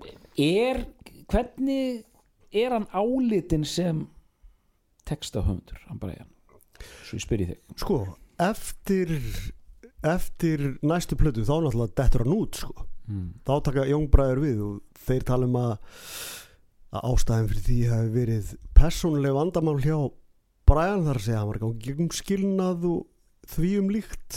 Þannig að þeir ákvaða, ákvaða hérna, að aðstóða hann við þetta eða öllu heldur taka yfir textagerð. Já, en svona heilt yfir hjá ACDC unnundum þá er hann hérna þá er hann vel metin ok, að því að uh, já, að me, menn voru farin að sakna hans mikið hérna eftir þó nokkur plötur frá Young Bræðurum í textagerðinni þar. Þá þeir, Mm. herru, við viljum bara fá gamla gamla góða Bræðin Johnson aftur. hérna, o- oil the wheel og hérna shi- shift the gears og hérna, hérna ignition og, og allt þetta bíla hérna já, já, hann vildi sko koppafeitt og kynlíf er bara úst, að þegar honum tekst vel upp að þá er hann þrjusu góður sko. Já, ég vil líka alveg í takt við það sem þessi hljómsið þarf þar að segja. Hún þarf, ekki- hún þarf ekkit meira en hann getur á góðum degi eða gatt Ég er líka sammála þó hann sé að, hann alltaf að, að yrkja í svona 50% tilfella jafnvel meira um, um rýðingar og svona og kynlífi og allt það. Mm. þá kemst hann svo oft vel á orði og þetta er svo snaggarlega sett saman, veist, í rýmið og, og, og hvernig svona talandin er hjá honum alls konar svona slangur sem maður, maður finnst maður hann verður svona uppfræða mann svolítið segja eitthvað um og veist, það er eitthvað svona orðum líkams hlutana og, og, og svo framvegis sko, og svo svona tvíraðni hann talar eitthvað um já, plötuna beigja eitthvað yfir yfir tunnuna já, já, já, og hérna og byrju hvað hvað- agalegt að heyra þetta á íslensku maður. Já, er bara, ha? En ég, líka- já, En þá er það sko beigja ykkur niður tunnuna líka í þeim til- eh, að ég skildi að beigja niður tunn, beigja sig við tunnuna og, og drekka okkur mikið. Eða beigja einhvern, mm, hvort kynni sem það er sem þú ert að vanga við, skulum við segja og, og, og taka því þannig stellingu sko. Og, og ekki orðið en, ég, þetta er besta tækifæri sem ég fæ til að lýsa því yfir að hérna að því ég veit ekkert hvað ég stend með þetta. Ég hef alltaf verið svo rosalega hrifin á laginu Heatseeker ég, mér finnst þetta æðislegt lag. Þetta, er, þetta er svona Chuck Berry á hérna styrum mjög einfalt rockabilly riff og mér finnst þetta bara stórkostlegt lag frá upphafi til enda. Og þá kemur þetta Heatseeker Charging Up the Sky. Þetta Já. er eitthvað svo æðislegt. Og bannið í mér þú veist að horfa á vídeo maður er svona, horfa Já. og síðan kemur hann hlaupandi í gegnum sjómarskjáin þetta er bara eitthvað svo æðislegt. Þetta er bara svona wey! og hendir hérna húinni og hún þetta fer beint á hérna á rofan. Á rofan. Já já. Smá hérna já og við, við lokum þessu að syngta mig, hvað finnst þér um syngta mig? Mér finnst Sing the Pink frábært lag alveg frábært. Og, og, og mér finnst þessi aðhlið bara veist, ég er alveg til í að beigja með aðeins með gæði. Danger, þú veist, Danger er hérna, fyrir Já. leikin eitt í, nei, en, en það er eitthvað svona ég hef ekki vilja li, lifa án þess. Veist, gaman að hafa þarna. En bara ef við, ef við rýnum bara í aðhliðina hún er feikilega sterk. Já. já, já, þú veist við erum að tala um þrjú sko frábærlög Shake Your Foundations og Sing the Pink. Mm. og svo er First Blood bara þrjusu fínt. Mhm.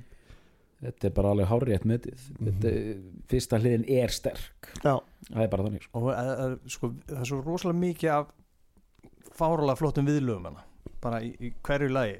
Já. öllum nema náttúrulega viðlagi Danger er ekkert úalega gott bara út af þessum sem ég sagði á hann en samt þetta er ekkert lélegt lag Mhm. en svona með hinn þá svona, einmitt, það, það dregur samt ekki hliðina niður já, sterk viðlög engin spurning. Hvað vilja menn gera í hálfleik?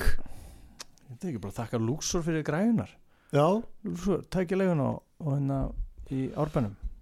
Ég vil nú bara byggja fólk um að sem er í svona heyrnatóla hérna versluna hugleðingum, þeir selja alveg gríðalegt magnaf og, og svona virkilega vöndum heyrnatólum á alls konar á viðræðalegu verði og svo yfir í svona alveg meira hátta hljóðnörda dæmi.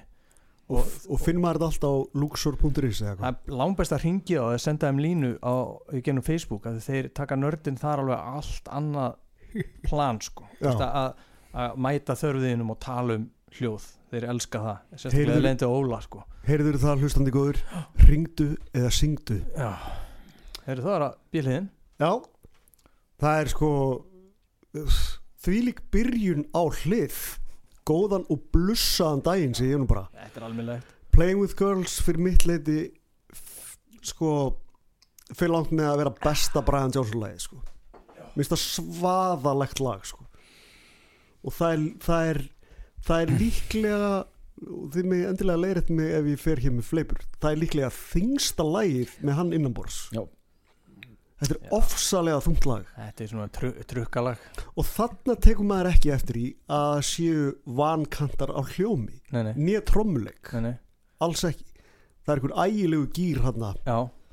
en og segi, þetta er svona veitir hvernig svona amerískir allt og stórir trukkar sko með með einhverjum vagniðan aftur í, þetta er þannig sko ég fæ Mhm. alltaf svona trukka tilfinningu því er hérna hlusta allar lag þetta er alveg einmitt, einmitt þetta er brútal lag sko. þetta er alveg rosalega og líka bara má ég kalla það bara svona nánast svona súrealismi sko, þegar hann er að syngja sko. ég hérna, fór mikinn hérna í upphæði þáttar, ég var að lýsa þessu hvernig hann syngur Mm. þetta mm. og hérna alveg kæfður hérna og bara gargandi þarna eitthvað og, og, og síðan hérna endur tekið út í það óendalega playing with girls það er svona síðustu svona síðustu 40 sekundar eru bara svona það eru bara mental sko. þetta er bara svona geðveiki í gangi sko. það er líka svona glúrið hvað er mikið að gerast í læginu mm. Sérstaklega í gítarum sko og, og gítarn býður upp á hérna, með, með svona önnum kapnari trommuleik en hann Mm. velur að gera svona frekar hægar trommur þannig já, og einfaldar og það gerir þetta, gerir þetta ennþá meira svona, einmitt, svona slötsi trukkur eitthvað svona alveg grimt sko. Já, já, þetta er einmitt þannig eru komnir alveg ég sagði það Fly on the Wall var í kortir í, í, í, í hérna, black metal sko og þarna því þú slöts sko við erum alveg í það er verið að sleikja utan í svona harðari sko þungarokks stefnur nefnilega sko. Það er líka eitt í þessu og nú ætlum ég að horfa á andlitið á smára. Riffið er svo smáralegt. Það er svo ógeðslega smáralegt. Ég vissum þetta dyrka þetta lag. Ég vissi það bara. Ég var bara hjólandi ykkar Hann er örugglega að fara að velja þetta lag. Hann velur þetta lag. Og, og svo líka fyndi að þetta er svo grimt lag Skiljum mig, eins og þú lýsir, þú lýsir mjög vel. En aftur er þetta svona kynlífslag. Og þetta er hennar lagi með línunum sem ég var að nefna Hennar, hvað sagði ég hennar Það segja hann ennsku, over the barrel bot, Bottoms up. Veist, Over the barrel, það getur við að drekka. Bottoms up og Tæma glasi sko. En over the barrel með you know who Og bottoms up. Við veitum hvað er að tala um hennar Þetta er mjög tvær meiningar hann sko. Og líka endar hennar I want all the women in the world! Þá var hann búin að tellja upp sko I want small women! Og eitthvað tall women og bara I want svo bara all the women in the world. Og hann er einn og lægi bú, lægi búið þá er hann bara "Ah, ég vil alla kjallingar Ah!" og það er rosalegt bara hvaða koni sem er? Ah! í alveg lægi enda svona. Alveg brjála það er þetta er, hann er bara farin að- hann er bara farin að syngja eins og þarna Dúmo og Kultó sko.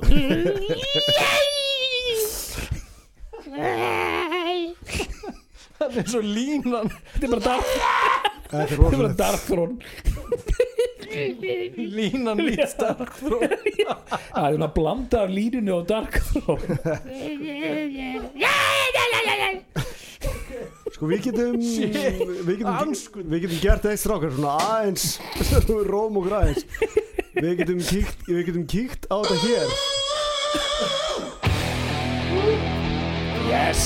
Ekki með það tjekka á trómmunum, hvað er geðið þetta einfalt það er hæg pumpa. Yeah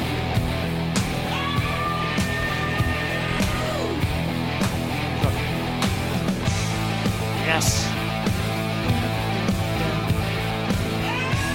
þetta er grimt þetta er bara svo boltþróin Boltthrower meets ham.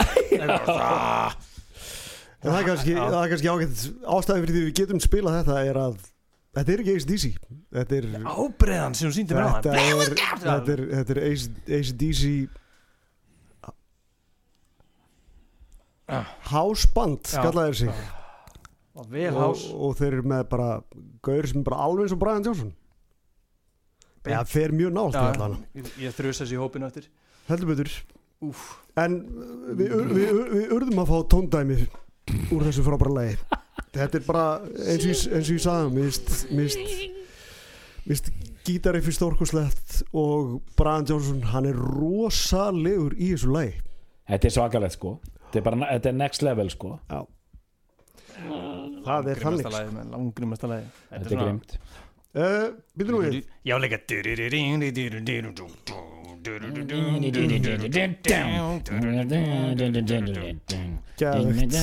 leika og síðan kaskakadum Addi Ham, hann myndi örugglega elska þetta maður. Og þeir eru búin með þetta og síðan skrýður það svona aftur að stað. Bara svo drugur sko. E- e- e- eins og skemmtilega eins og ham. Útsett virkilega er útsett ham sko. Það er alveg hrikalega effektív lag sko. Og geggjað sko. Og þarna heiðurar Símon Phil Rudd vel og vandlega með að vera vel aftalega í bítinu. Já, og eins og Elvar nefndi það í hérna grúpinu okkar, hópspjallinu hann nartar í hælana. Nartar hann er að nart í hælana la- laginu, það er frábæð lýsing. Það er einmitt sem Arnar í ham gerir svo listavel sko. hann er alveg bara kortir í að komast ekki inn í lægi sko, það er svo geðveikt. En við erum komnið þá í stand-up Þarna kemur fílgótið aftur sko. Þarna kemur MTV fílgótið Stand-up Stand-up and fake it Stand-up Þetta er Judas Priest. Já, já, já. Komum saman Judas Priest lag. United, United, United Þetta er það, já. Stand up. Stand up and win it Stand. Allt þetta stand up and shout og þetta sko. Smári, þetta alveg Nei, ég er bara, ég er að fylgjast með uh, upptöku upptöku háaðan Erum við að sprengja alveg, erum við í rauðu hérna? Nú er ég komin í dí Það og verður bara, það verður bara nóg að gera að klippa og græja og gera sko þegar það kemur. Já, en, Já, en, sko, hvernig, já. en hvernig finnst ykkur þetta lag? Sko ég ætla bara, að- bara að segja ég, ætla bara að segja núna mér finnst svona ég var að skrifa þessa stórkostlegu hugleðingu mína eh, sem ég er búin að nefna hérna oft og, og sendi á þig að, og á ykkur báða eh, þú veist, ég, ég byrjaði miklum krafti síðan svona heyrði ég það sjálfur að hérna ben, að það er bensin þurð allir veruleg á, á, á hlið 2 sko Ok, Já, hún er- finnst mér. Já, hún er ekki jafn sterk. Nei, hún er það ekki. Ef, ef, við- ef, við- ef við tökum hana og skulum bara rappin upp í endan en ef við tökum bara þetta lag hérna, já, þetta er, þetta er þetta, fyrir mig, þetta er á poppað fyrir minn smekk sko, og ég, greinlega, ég hef algjöran ímugust á svona Queen, hérna, We Are The Champions lögum, já sem en, eru Judas Priest gerði svona lög og, og þú veist þetta eitthvað svona allir saman nú sko. Já, smá Bon Jovi þarna líka. Þú og Bon Jovi eru búin að gefa út plötu þarna líka. Það er alveg, það er alveg svona Bon Jovi Stadium romp í gangi þarna. Hvað finnst þér, Smári? Líka, líka riff, riffið, þú, þú er mjög gáðan því, ég veit það Það er hana Þetta var frábær útgáði hjá þér maður. Ég heyra náttúr Nei, nei, nei, gerðu það, gerðu það. Gerðu uh, það ég, ég man ekki hvernig Þetta er svona byrju- CC Top. Du- legt það riffi er alveg nokkuð svalt sko Já. þetta lag, þetta lag fyrir ekkit í mig ég set það ekki eitt og sér á fónin Nei. þetta rúlar alveg með bara flæðan vol frá upp á þetta lenda plöðni en minnst að laga bara fokkalegt mm. hvernig, hvernig byrjaði það? Man, mannstu það? það byrjar á, á hérna, bara introi á hólanótonum sem er svona sem, sem svona hægt, hægt, hægt og rólega hækkar hljóðstyrkurinn. Já, Já, já, ok. Já, já. Þetta er enda nokkuð gott. Já. Ég fíla þetta. Já, þetta er rosa CC Top finnst mér. Og The Cult.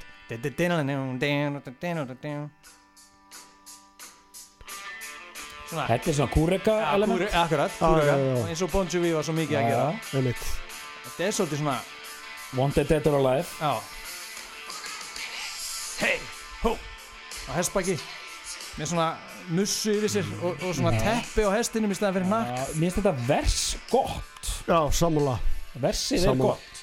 En þeir, það, að líka ferðum svo vel sko að að gera svona eh, já líka svona líka kóru svona, svona, þeir eru svona fáslögu gítarinn. Mm. da, da.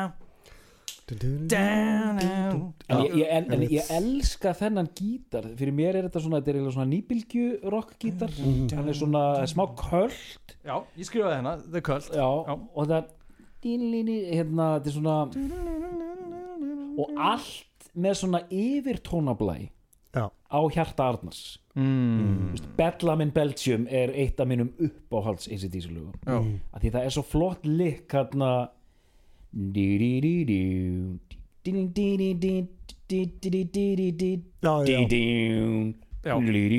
þetta. Ég bara ég fór að gæsa hún alltaf því ég heyrði þetta sko. mhm.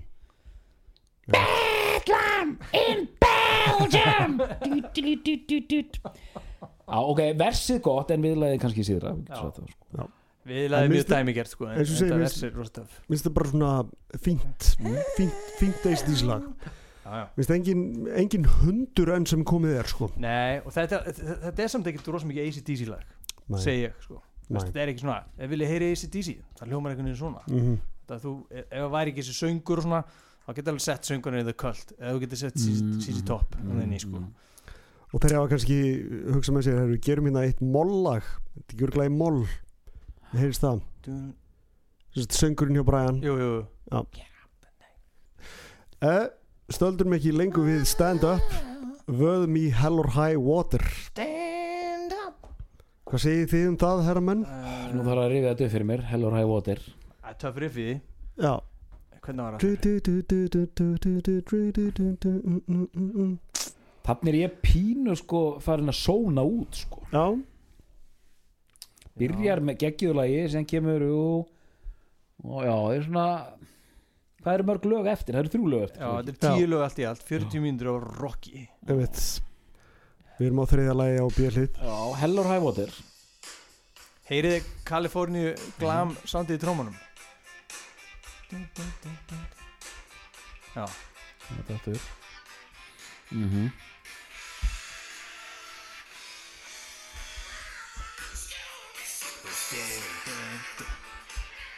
Herra En bara sko sitjandi hérna með ykkur þá er ég farin að fíla þetta allt miklu betur. Ég er farin að, dýrka þetta. Já, það er gott að heyra. Ég, ég, ég var ekki seldur sko.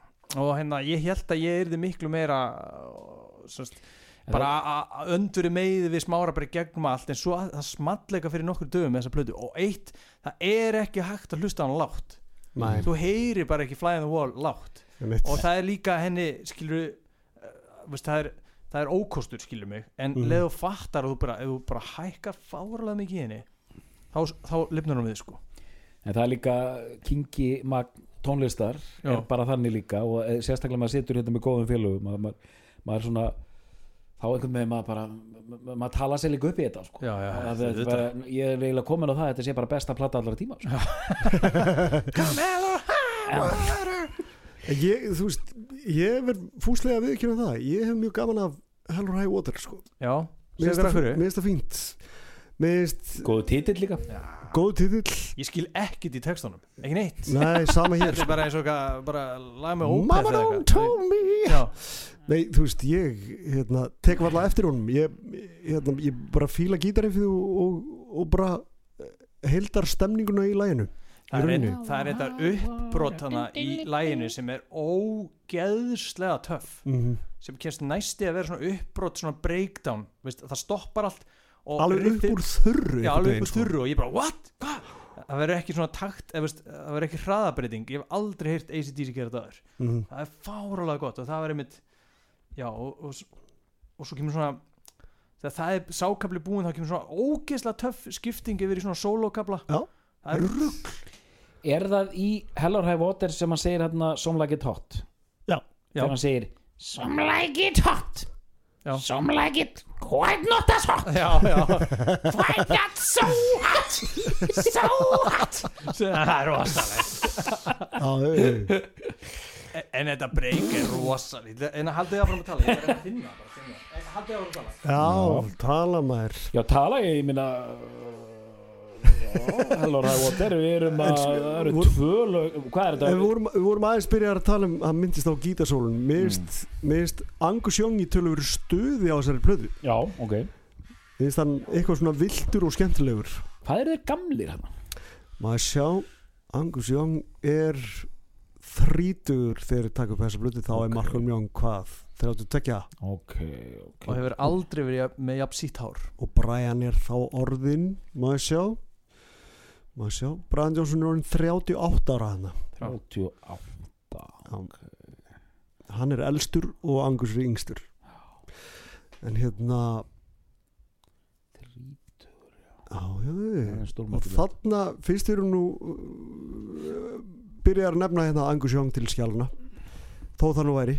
Uh, þetta er um það leitið sem hann byrjar að leika sér að mála.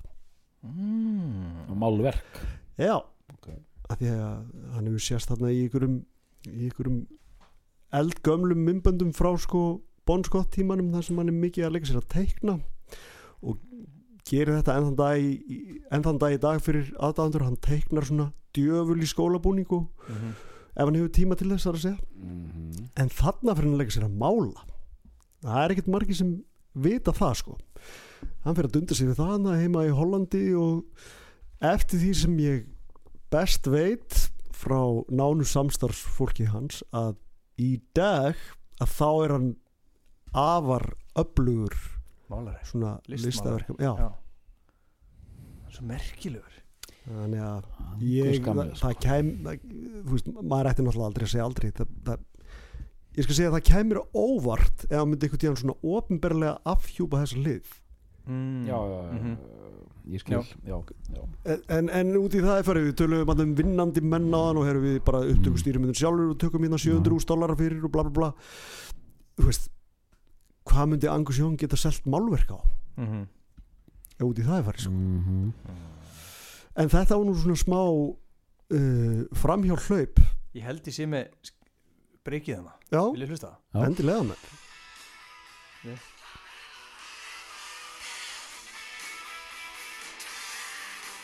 mm. Bíddu. Einmitt. mjög ærandi. Hana, hana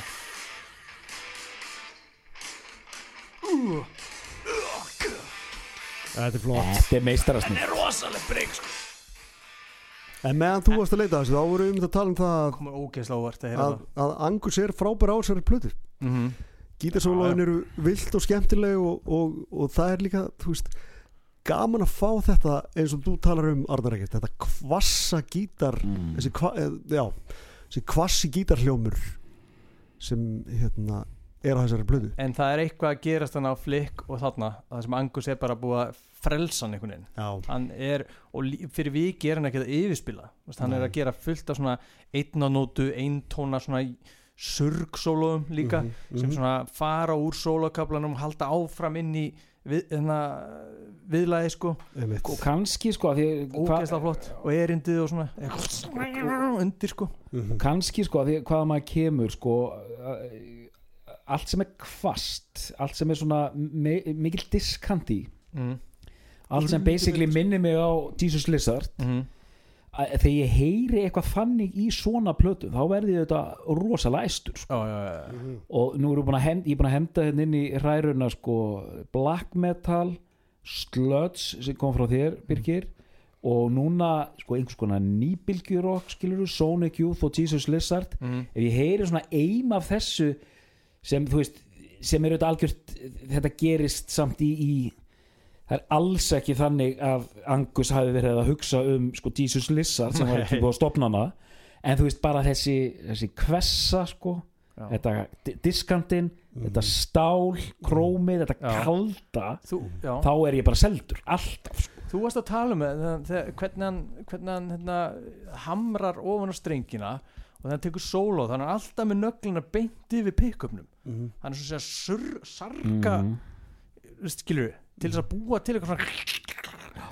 hann er hann er uh, hann kann bolta eins og snillingum sagði. Það er ótt að segja það. En, en ég tek heilsugar undir þetta. Hann er ekki undir undir þú veist, hann er ekki stíf bundin í einhverja djöfuls ól hjá einhverjum hjá einhverjum upptökustjóra. Nei, nei. þú veist, hann er bara að gera það sem hann vill og þeir bræður vilja. Mm það ferðum betur að vera með lausan taumin heldur en Iron Maiden.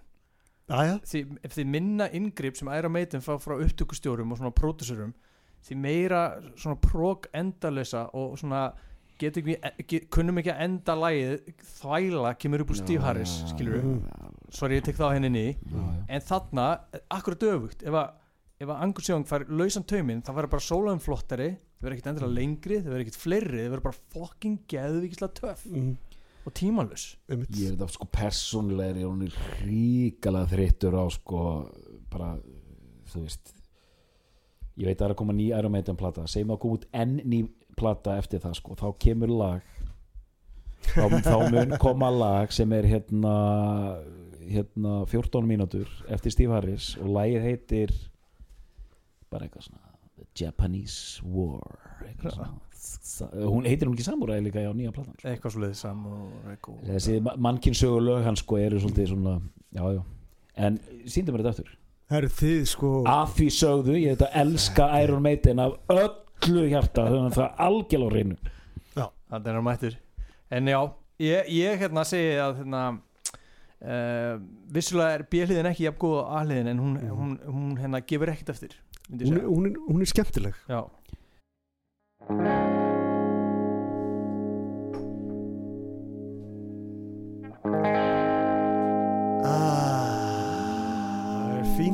svona að brjóta þetta aðeins aðeins aðeins upp.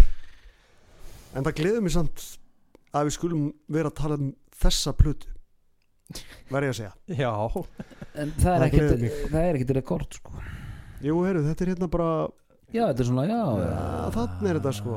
Segir ekkert Þetta er upptökustjórunum kann Nei, maður segir að ég, þeir eru líka mjög viðkvæmið viðkvæmi fyrir slíku.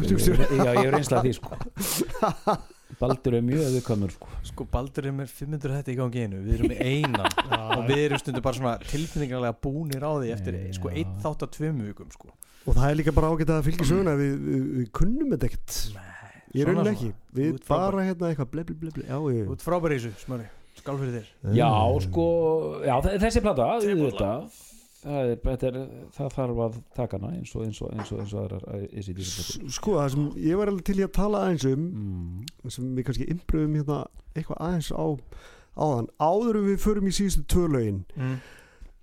að það er þetta hugtak sem er svo oft rætt í þessum þætti maður kynnist einhverjum þegar maður er ungur Jú, jú og svo þegar maður eldist sumt er ennþá manni að skapi annað ekki. Mm. og það er ekki, svo sem ekki þetta komast að þeir eru nefnir niðurstöðu í þessu. En það er þetta í sambandi við uh, í sambandi við Fly on the Wall.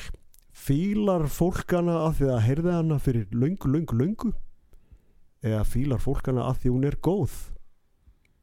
Hmm. þetta er erfið spurning Ég held að ég tali bara við fólk sem fíla hana fyrir löngu, löngu, löngu og fíla hana enn af því þykir vendum minna þessu Arnar sko. Ég á mér enga alvöru sögu með þessari plödu sem er náttúrulega munurinn á mér og þér. Þess vegna er ég kannski svona forrétt þetta stöðu með það að ég skoða hana svona þannig sér hlutlaust mm. af því ég er líka alveg laus við þennan fyrstu fimm er einu plötun sem ég hlusta á veist, þann þá meinlóku í hausnum á mér. Og það sumir er bara, er bara þetta gefur þessu veist, þetta þekki engi lög hlusta ekki á neitt eftir back in black. Black. Það er svo ótrúlega Já. algengt viðhorf. Og segja svo Reis og Sett sé frábær. Já, Já, einmitt, Já, maður heyrir já. það mjög oft. Já, já, að svo kom ég aftur inn þegar Reis og Sett svo, hún er þrælgóð já. En það er alveg sko hún er frábær. eins og þið segir sko Back in Black og hætta síðan og hérna á, á meðan sko mér líður dálítið svo laumufarþega með þessa plötu af því að eins og komið hefur fram þetta var alger tilviljun mm já, ef ég, var, ef, ég, ef ég var tveimur árum eldri þá var ég kannski frekar að tala um Flick of the Switch mm. Mhm. það var bara algjör, þetta var bara tímadæmið en svo gaman líka því þú segir einmitt út svona frekar á hlutlausu landi og það er svo gaman eins og í bestu plötinni að sitja þess með hérna Baldur og Snabba og til dæmis þegar vorum bara að tala með Ransit Mhm. Þessi ég var bara eins og skrifstofu blóks já, alveg útvöldi ég var alveg kaldur já, í rauninni gagvart öllu stöfinu -hmm. á meðan sko maður heyrði sko Snabba þylja upp sko plötu eftir plötu að fádæma Mhm. innsægi og, og tilfinninga semi að sjálfsögðu sko Mhm. og það er svo- það er svo merkilegt þegar maður er ekki á þessum stað maður svona, Mhm. maður svona kinkar bara kolli bara já, já. já, og ég var auðvitað búin að renna þeim sko og bara, já ég skil hvað það meina. Eðlilega var ég ekkit á sama stað það er ekki hægt, einmitt, það er ekki hægt sko. einmitt. En mér finnst þarna, eins og við tveir vorum ekkert meðvita að hýfa flick, flick of the switch upp. Nei. við erum ekkert meðvita að, að hérna, hýfa fly on the wall upp. Nei, en nei. hún er bara hýfið sér sjálfu upp af því við erum að kafa í hana sko. Já, en svo, en svo við erum ekkert að hugsa um við erum ekkert að hugsa um Let It Be Rock eða Powerade á meðan Nei, en svo má líka alveg skjóta því inn í leiðinni að, að við gerum slíkt því sama við við, þú veist, innan gæsalpa klassískar Bon Scott plöður þú veist. Eða þá meina ég að hérna, við bara tókum þær fyrir það sem þær eru nákvæmlega í dag Já, fyrir já, okkur. já, já, já. þú það er veist, einn af veist, ein af ástæðum fyrir þetta hlaðvarp er í gangi það er þetta, þessi Mhm. nálgun líka einmitt. og við, bara svo vitir það hlustundur okkar við það við hlustum alveg í réttri röð og við hlustum ekkit til dæmis þegar við vorum að gömgjafa hérna, Fly on the Wall hlustum við ekkit á neitt eftir hana nei, nei, nei, við bara förum Mhm. aldrei yfir plötun sem við erum að hlusta á þannig að við erum að skoða þetta alveg frá uppæði til enda í þeirri röð þannig að það er ekkert sem spillir skilur mig Al, það er mjög sniðut að gera, það er mjög, mjög, mjög sniðut að gera það þannig sko. þá erum við alveg lausi við þetta bara, að það fór bara ég hlust eiginlega bara Let It Be Rock og, Highway to Hell sko. En mér finnst mjög merkilegt að því voru að tala með mitt að hýfa plötur upp, mér finnst mjög merkilegt að þessar tvær mm. að, að það virðist vera að Flick og the Switch er svona bara eitthvað svona vannmetin, falin demantur eitthvað la la la, menn þessi er bara með, með svona rosa bastards hérna áru yfir sér frá svo, svo mörgum sko. Hún er vandræðabad og, og hún- einhvern veginn. Vist, hún er klunnaleg veist, af því þeir eru að reyna eitthvað eins og ég sagði hann hún, þeir vilja vera með í þessari þessari, þessari bild, eða veist ekki þessi bilding bara þessi popvæðingu stadium rocks bandaríkjana þeir eru augljóslega að fara að vera með í því og auðvitað kemur það illa við marga. Þeir eru bara hvar er veist, ofsin, hvað er drullan, hvað er barinn hvað er veist, ástarala veist, hérna, ríkuga ACDC sem ég elska? Þetta er of löss, þetta er of stórt var en við erum, bú- við erum búin að kreista fram að það, þessi pl pl plata er þráttur það hrá skilur var það einmitt, já en var það einmitt CC Top þeir voru mjög góður í því að þeir mitt tengja við MTV mm var það ekki það sem ég gerði þannig með El- Eliminator það er ekki rétt hjá mér? Jú, en þarna líka maður en eins og en að- eins og við verið að tala um í grúpunni í dag hvernig myndböndin eru og allt, þetta er allt gýraðin á MTV, er landslega er búið að breyta svo mikið hvað, hvað seldist þessi djöfust def leppardplata mikið Uss, uss það var eitthvað 10 miljónir eitthvað rugg sko. Tala um að hysteria ekki? Hysteria, já, hysteria, ekki og Pyromania. Pyromania kemur undan sko. Já. eru ekkit já, ósvipað já, sko. það er ekkit, jú, þetta- ég er að tala um Pyromania hún komur átt- 85 mér sé að ég var krakki sko og ég elskaði Dio, Iron Maiden og Judas Priest. Def Leppard var bara of mikið Já, bylgjan fyrir mig, ég bara gati þetta ekki. Mhm. Púr som sjúkar er mig, já, þetta er mjög svona ég bara, aaa, burtu með það en hvað, já, er, er, er þetta back in business sem við erum að fara, vaða hérna í næst er ekki, er ekki ágætt að við kvílum hlustundur aðeins hérna á rausinu í okkur? Jú, já, raus í kartmönnum og fáum hérna þennan skemmtilega ingang sem að back in business er.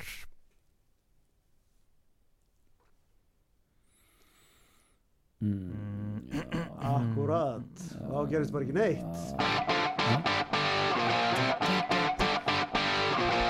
Nú ætlum ég að segja svolítið sem mun gera pappa minn glæðan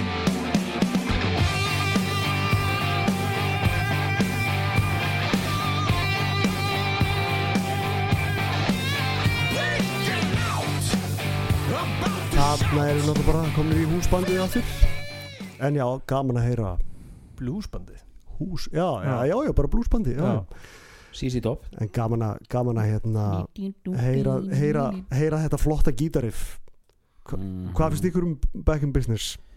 Herra menn ég, lit, ég hef litla skoðun á þessu sko en ég, ég er að reyna að ég er að reyna að ég er að reyna að bara í, hérna í beinni útsendingu að því ég er viðkvæmur og næmur Mhm. maður, ég er mjög næmur og Birkir er mjög næmur, við erum viðkvæmir menn, við finnum þetta svo vel sko. mm. Þess vegna sko því ég er hérna í beinni útsendingu þá er ég fann að fíla plötuna svo miklu, miklu, miklu betur sko. þannig að ég get ekki lengur slegið, þetta var bara svona já, alvegðinu frábær og hitt er bara bensinni búið, það er ekki alveg þannig en ég hef lítið einhvern veginn að segja um þetta lag sko. Mm. en ég er farin að heyra miklu meiri hluti eins og þess riff þessi, þessi skemmtilegu kúreka CC Top blues riff sko. Já, er töff. þetta er drull töff Já, ég- og, og þetta er líka, hérna fyrir pappa minn þetta er svolítið Deep Purple líka finnst mér, en að Perfect Stranger, House of Blue Lights þetta tímabil. Mm. tíunda áratugs uh, og níunda áratugs Já, Deep Purple, já, það var alveg þarna sko. Já, þannig að hvað segir þú svona? mér finnst back in business skemmtilegt lag. Mm. Að textin, eins og við vorum að tala um aðan það er alltaf okkur einustu plötu Arnar. Uh, og, og ég spurði smára hvort að hann hafi eitthvað velt þessu fyrir sig hvort það hafi komið fyrir í einhvern bókun sem hann les sko. Mm. og veist að það er alltaf eitthvað svona óður til útlagans og glæpamannsins svona smáglæpir og vesen. Á ACDC plötum alltaf. Já. Mhm. og þetta er um, um, um eitthvað gaur sem getur bara ekki aðeins gert. Hann er nýkomin úr, steininum. Hann er samt að fara að fremja einhverja glæpi og ódæðisverk og þetta verður eitthvað umulegt hann bara, svo fær hann sér bara brennivinn og bara fer og hittir gælunum og bara heldur áfram. Alltaf svona sko.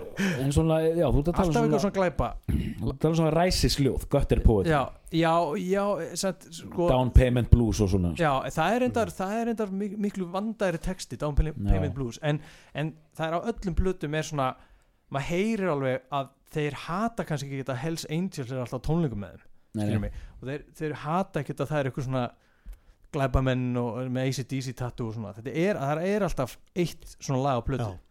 Sem það er ekki, fjör, mikið ekki svona. fjarlægi að þetta sé taktíst ekki? Það er ekki fjarlægi sko.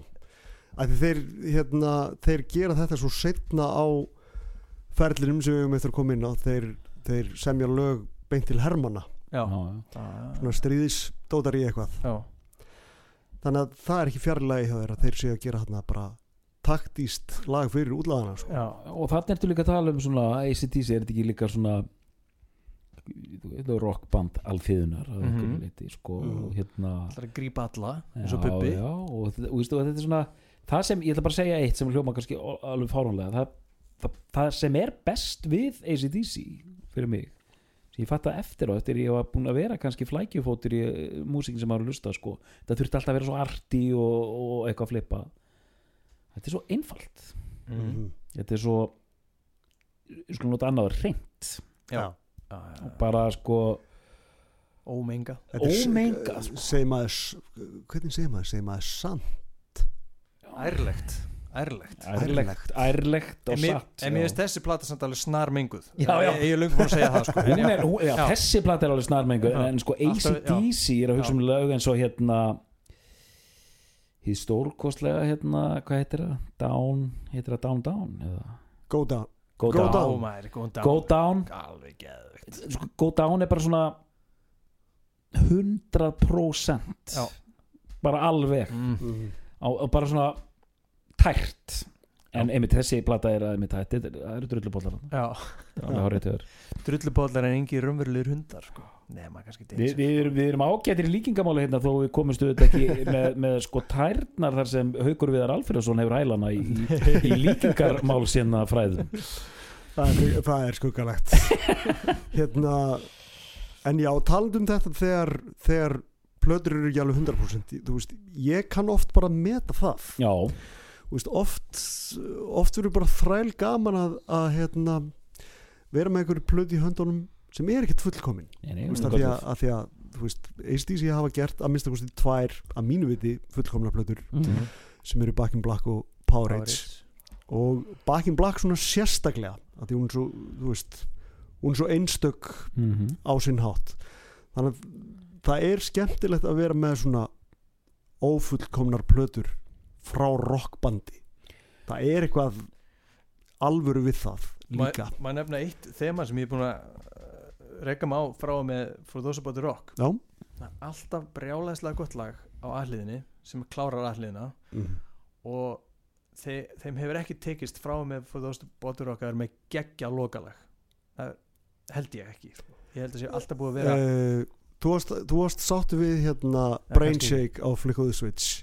Það var staflott, já, ok, lokalæð ok, ok. En það hefur oft verið svona, eða nokkur sem ég myndi spóla tilbaka og fara yfir þetta rétt hjá þér, takk fyrir að leiðrætta mig ég var mjög hrifin af því, Brainsake en það er oft vantar einmitt svona lag til að klára þetta almennilega og þá fórum við að tala um hana kn knæpulögin já, sem eru stundum ekkert sérlega góð sko. Einmitt, rólegu lögin. Já, sem eru bara svona bara ekki góð, svona eins og þessi bara búni með einmitt, kvotan já. Til dæmis þetta lag sem við erum að fara að taka næst. Já, við erum að vaða hérna bara í já, lokalag já, að Final tala War. um uh, back, back, back to business Mhm. back to business já, við vorum vorum við ekki búin með það Jú, þannig séð sko Ég er, svona, sko. ég er út á túnni með það uh, að ég var að fíla þennan hérna, Wanted Dead or Alive hérna, CC Top riff mm -hmm.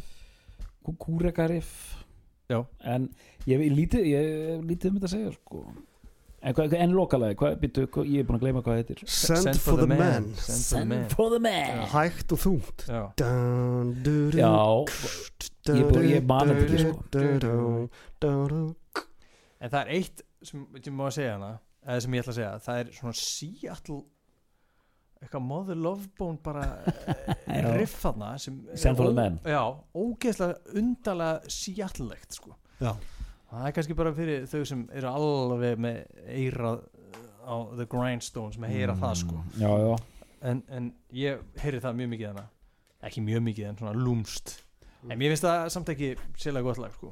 Svona, en svona, þetta og Danger eru svona næsti að vera hundar sko. Sístu lögin já, sístu á lögin. blötunni já, hvað er sístu lögin? Danger og þetta finnst mér. Já, ég, einmitt, ég man ekki eins og eftir þessu lögi sko. eru það tvö verst lögin? Já, finnst það mér finnst danger. for a man. Mér finnst da- bara mér finnst þennan hvað sem er svona En það er, það er svolítið sérstak sko að þú veist einmitt þetta, það eru sumar hljómsveitir frábæri opna plötur, ég myndi Mm. segja ACDC var ansi færir Já. í því. mjög góður Já. mjög góður því, síðan taka oft áhættur bara í fyrsta læginu það er ógæslega töff finnst mér. samanber Rising Power. Já, já, einmitt, það er mjög cool move Já. sem hérna virkilega sko. Rise and power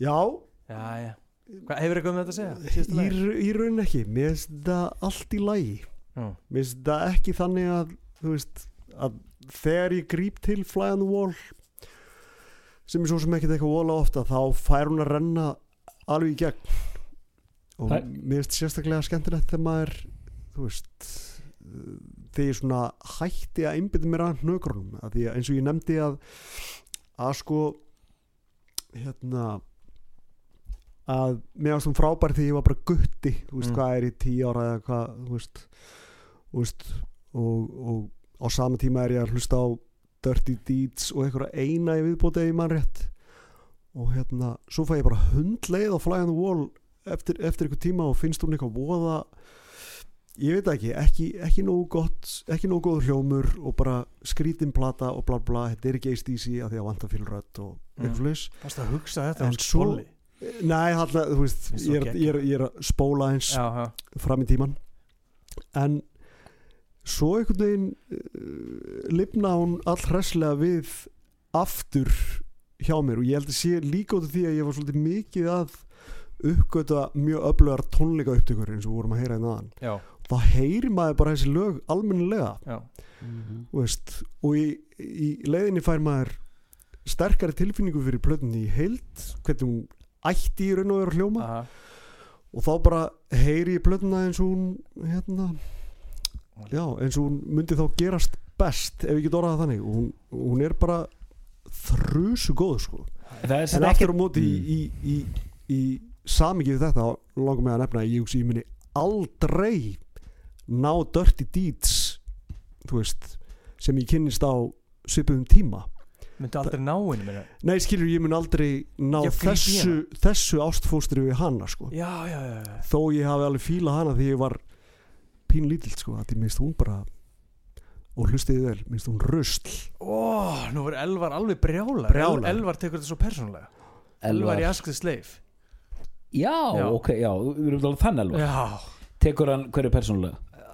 Dirty Deeds. Þannig bara finnst maður við vera að kasta bara einhverjum eitur Pillum. skjótan með einhverju, já, Er- sko en, en, en, en hérna, myndur þú segja það er ekkert lélegt lag á þessar plötu myndur, þú segja það? það er ekkert léllag Ekkert lélegt. nei, ekki einu sem þið, já, nei, já. Ég heyrði, eh, þú sagði þér það aldrei sko. Nei, þú finnst sagðir hérna- aldrei.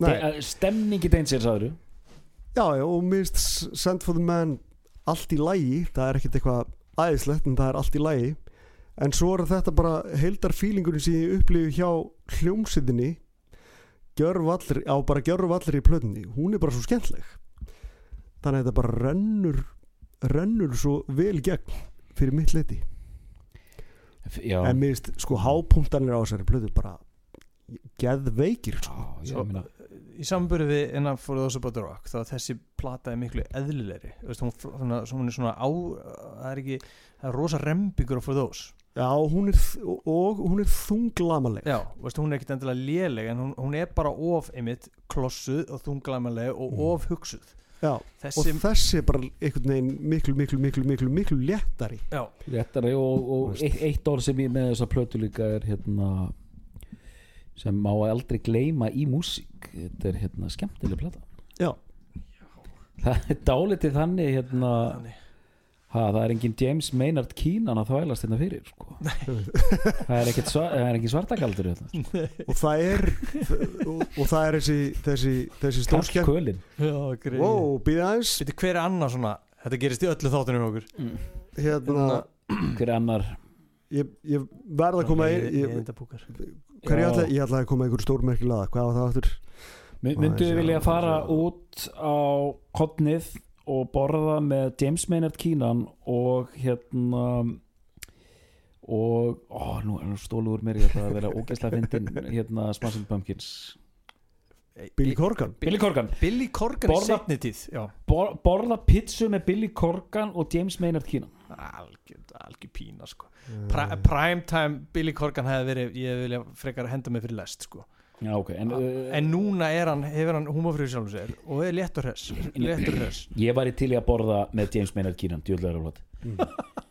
Ja- James you know I'm talking about this pizza slice here with you know it's uh, in a certain you know what what you're doing in this manner of the western civilization of the you know and the when when the Buddha came down and slowly alveg bara Amen. Vá.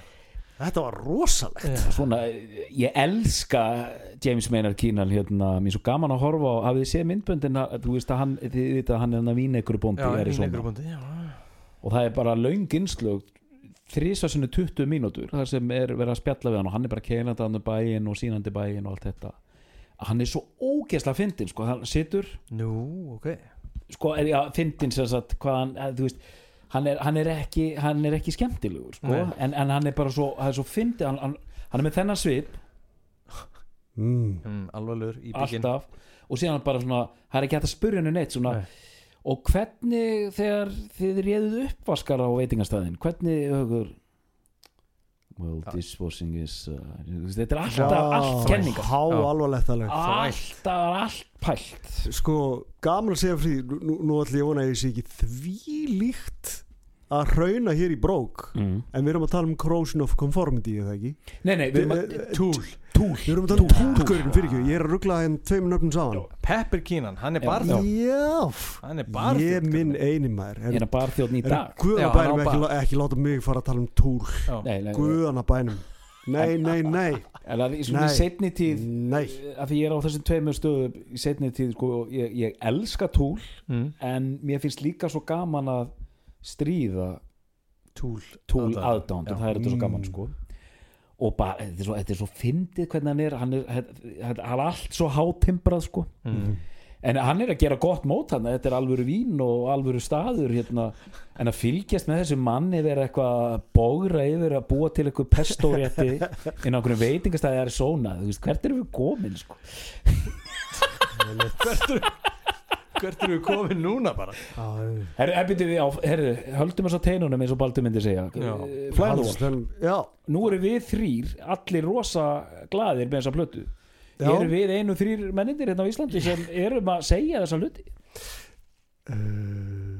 Ég, er- ég er glaðið sko. Ég, hvað segir, segir hópurinn ykkar? ég, ég, Hópurinn segir ekkert þú mikið sko. Það er alltaf sömu kannski Alltaf þrjá- sömu. þrjá- Þrjár manneskinu sem segir Söm, það. söm, já, já, maður þekkir þetta. Við erum ekki alveg komin á sama stað og hérna bestaplata með það sko. Sko, ég, ég það, það, er, það er það er eitt vel fyrir ofan mig í, í grimmt íslenskur eis, já, Já, í, eis, í að vera ACDC unnandi. Og hann vil meina að þessi plata Fly on the Wall hún skilur uh, karlmennina frá kórdrengjónum já, já hann segir bara að þetta er bara mæli hvarði á hvort að þú sért ACDC aðdandi eða ekki Já, þú hann meinar sagði það sko Já, alveg já. sódýllur sko Já, já, já, bara ef þú fílar ekki pósina, Já. sko. þá bara hvað hvað er að frétta að þér? já, Já. já, já, Já, já. það gott að heyra þetta Já, mér finnst það svolítið skemmtilegt sko Wimps and posers leave the hall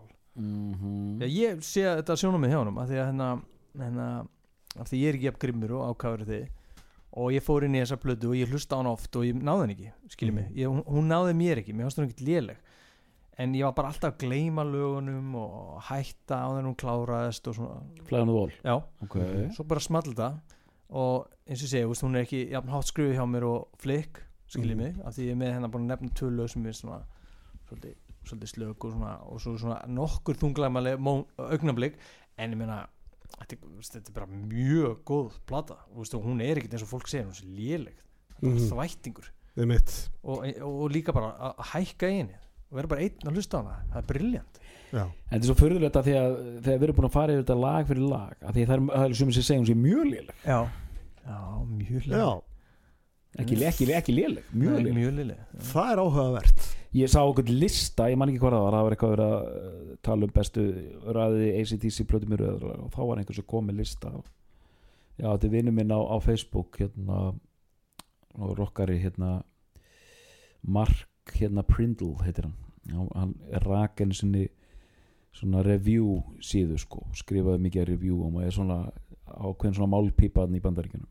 Og hann byrti lista einu sinni yfir bestu ACDC plötunar og þá held ég að flæðan og vola hefur í, í neðst bottsætinu hjá hann sko. og hann fekk nú það var nú eitthvað skotið á hann fyrir það sko. Já, bara, bara, hvað er þetta hún var alveg neðst. Mm. nei, hvað er þetta hvað er ekki að Fráðir Er ekki, la- já, bara ertu frá þér Já, ég samlega því. Það er ekki, ekki góða staði fyrir góða blötu Í, nú er ég bara búin að gleyma ég, ég er náttúrulega þessi flenni stóra grein þar sem ég dæmdi allar blöðunar manns, manns þú hvað ég gaf henni? Ég held að gefa hann átta. Ég held að stemmi. Já, mjög hátt með hvernig þú gefur já, einhvern sko. Já, við þurfum þá að nefna það að það er gert til þess að þetta sé í samræmi við allar hinnar Já, þannig að þetta er ekki alveg marktækt svona uh, að hún standi ein og sér. Nei, en anspannes til dæmis þeir sem koma mar margar þannig eftir þá náttúrulega drottnar hún yfir það er að þínum að já, já, engin spurning. Og minnst hún í, í þú veist, í samburð við About Rock til dæmis eins og þú segir, hún er miklu, miklu, miklu, miklu, miklu skemmtilegri plata. Já. þú veist en það má alveg þú veist, svo sem færa rauk fyrir því að About Rock sé með betri lög stór lögin þar en hérna bara færri betri lögar það er flæ, færri góð lög þar. Og, og það er eh, bara, já hann nú. Hann hvað hérna ég veit ekki hvort við getum sagt eitthvað meira veist, ég ætla, ég ætla að nefna hérna mér langar að bregða út af vananum í lokin á þessu mm, hlaðarpi mm að því við spiluðum ekki Fly on the Wall sem er nú tilturlega frábært lag. Að, ég ætlaði bara að fá að enda hlaðarpi hérna á, á tónleika upptöku af Fly on the Wall. Já, laginu. Fallett með, með ykkar uh, leifi þar að segja. Við, við eitthvað ég, já, ég, þú veist, ég, ég er við erum líka bara enda eftir að vakna til Ég lífsins eftir þetta langa frí. ég veit það, það eru fasti liðir sem eru dottnirinn út í æsing, æsingnum og, og það er bara fallegt. Já. það er bara indislegt já, besta gítariffið ég, valdið þú ekki neitt eða? það eru tvö sko. Já, hérna kom Hell or High Water og hérna hvað er til lagið á undan? Minnst ekki að þetta riffið því líka. Stand up? Já, já, uh, í viðlæðinu einmitt. Uh, þessi licks hana. Já. plásir gang, akkurat. Og be, be, besti textin veistu, ég, ég er bara ekki ég andlega st, bara nógu vel plaseraði til að fara í þessa föstu liði hennar gera kannski bara í grúpunni, hvað Já. segir þú Smári? nei, Arnar ekkert já, fyrst já, Birgir hérna Já, ég valdi Sing the Pink riffið Já. og gaf mér þess að tíman 0.23 til 0.30 Já. og síðan nefndi ég við hann Birki ég sagði riffið í Fly on the Wall er líka helviti gott Já. já, ég myndi segja hérna Hell or High Water riff- hérna riffið, riff plötunar fyrst mér hérna í viðlæðinu ok. Já, þetta er svona konusjör val hjá Já. hann Birki sko. Já, minnst það bara ég staldra alltaf við, staldra alltaf við þegar það kemur sko. Mm einmitt. Afsaki afsaki ég skulle detta hérna feitt út ég er að reyna hérna, Vá, þetta var slæm hugmynd maður. Gera tvo hluti í einu. Nei, nei, nei, nei, Vá Þetta er- maður Góðan og blussaðan daginn sko. En hérna Mér finnst Mér finnst besta gítarriff á þessari blötu það það er erfitt Það er erfitt að velja eitthvað eitt Þau ok, eru- Þau eru mörg helvíti góð Mm. stór Um, góð að þó að þó mér finnst Playing with Girls finnst það besta lagi á plötunni mm. þá finnst mér til dæmis eitthvað ofsalega skemmtilegt bæði við riffin í Sink the Pink og Shaggy Foundations. Mm Já. og Fly on the Wall. Þannig að það er erfitt að velja eitthvað eitt en Mér ég finnst sé vaði bara í Shaggy Found- Foundations. Riffið, já, mér finnst finna fyrsta erindi textin besti textin á blöðunni sammála. Já. sammála, ég var búin að nefna hann. Það er bara eins og eins og Bon Scott sem mættur sko. E eru þið ekkert smeki við að hana, þetta hlaðar hverfi út að við erum að nota tónlistina svo mikið? Þetta eru tónleika upptökur af sjórningja upptökum já, ok, en Já. gerist það ekki að fílalag? Datt ekki út ykkur til hann ég held það. Ég veit, það- ég veit ekki neitt.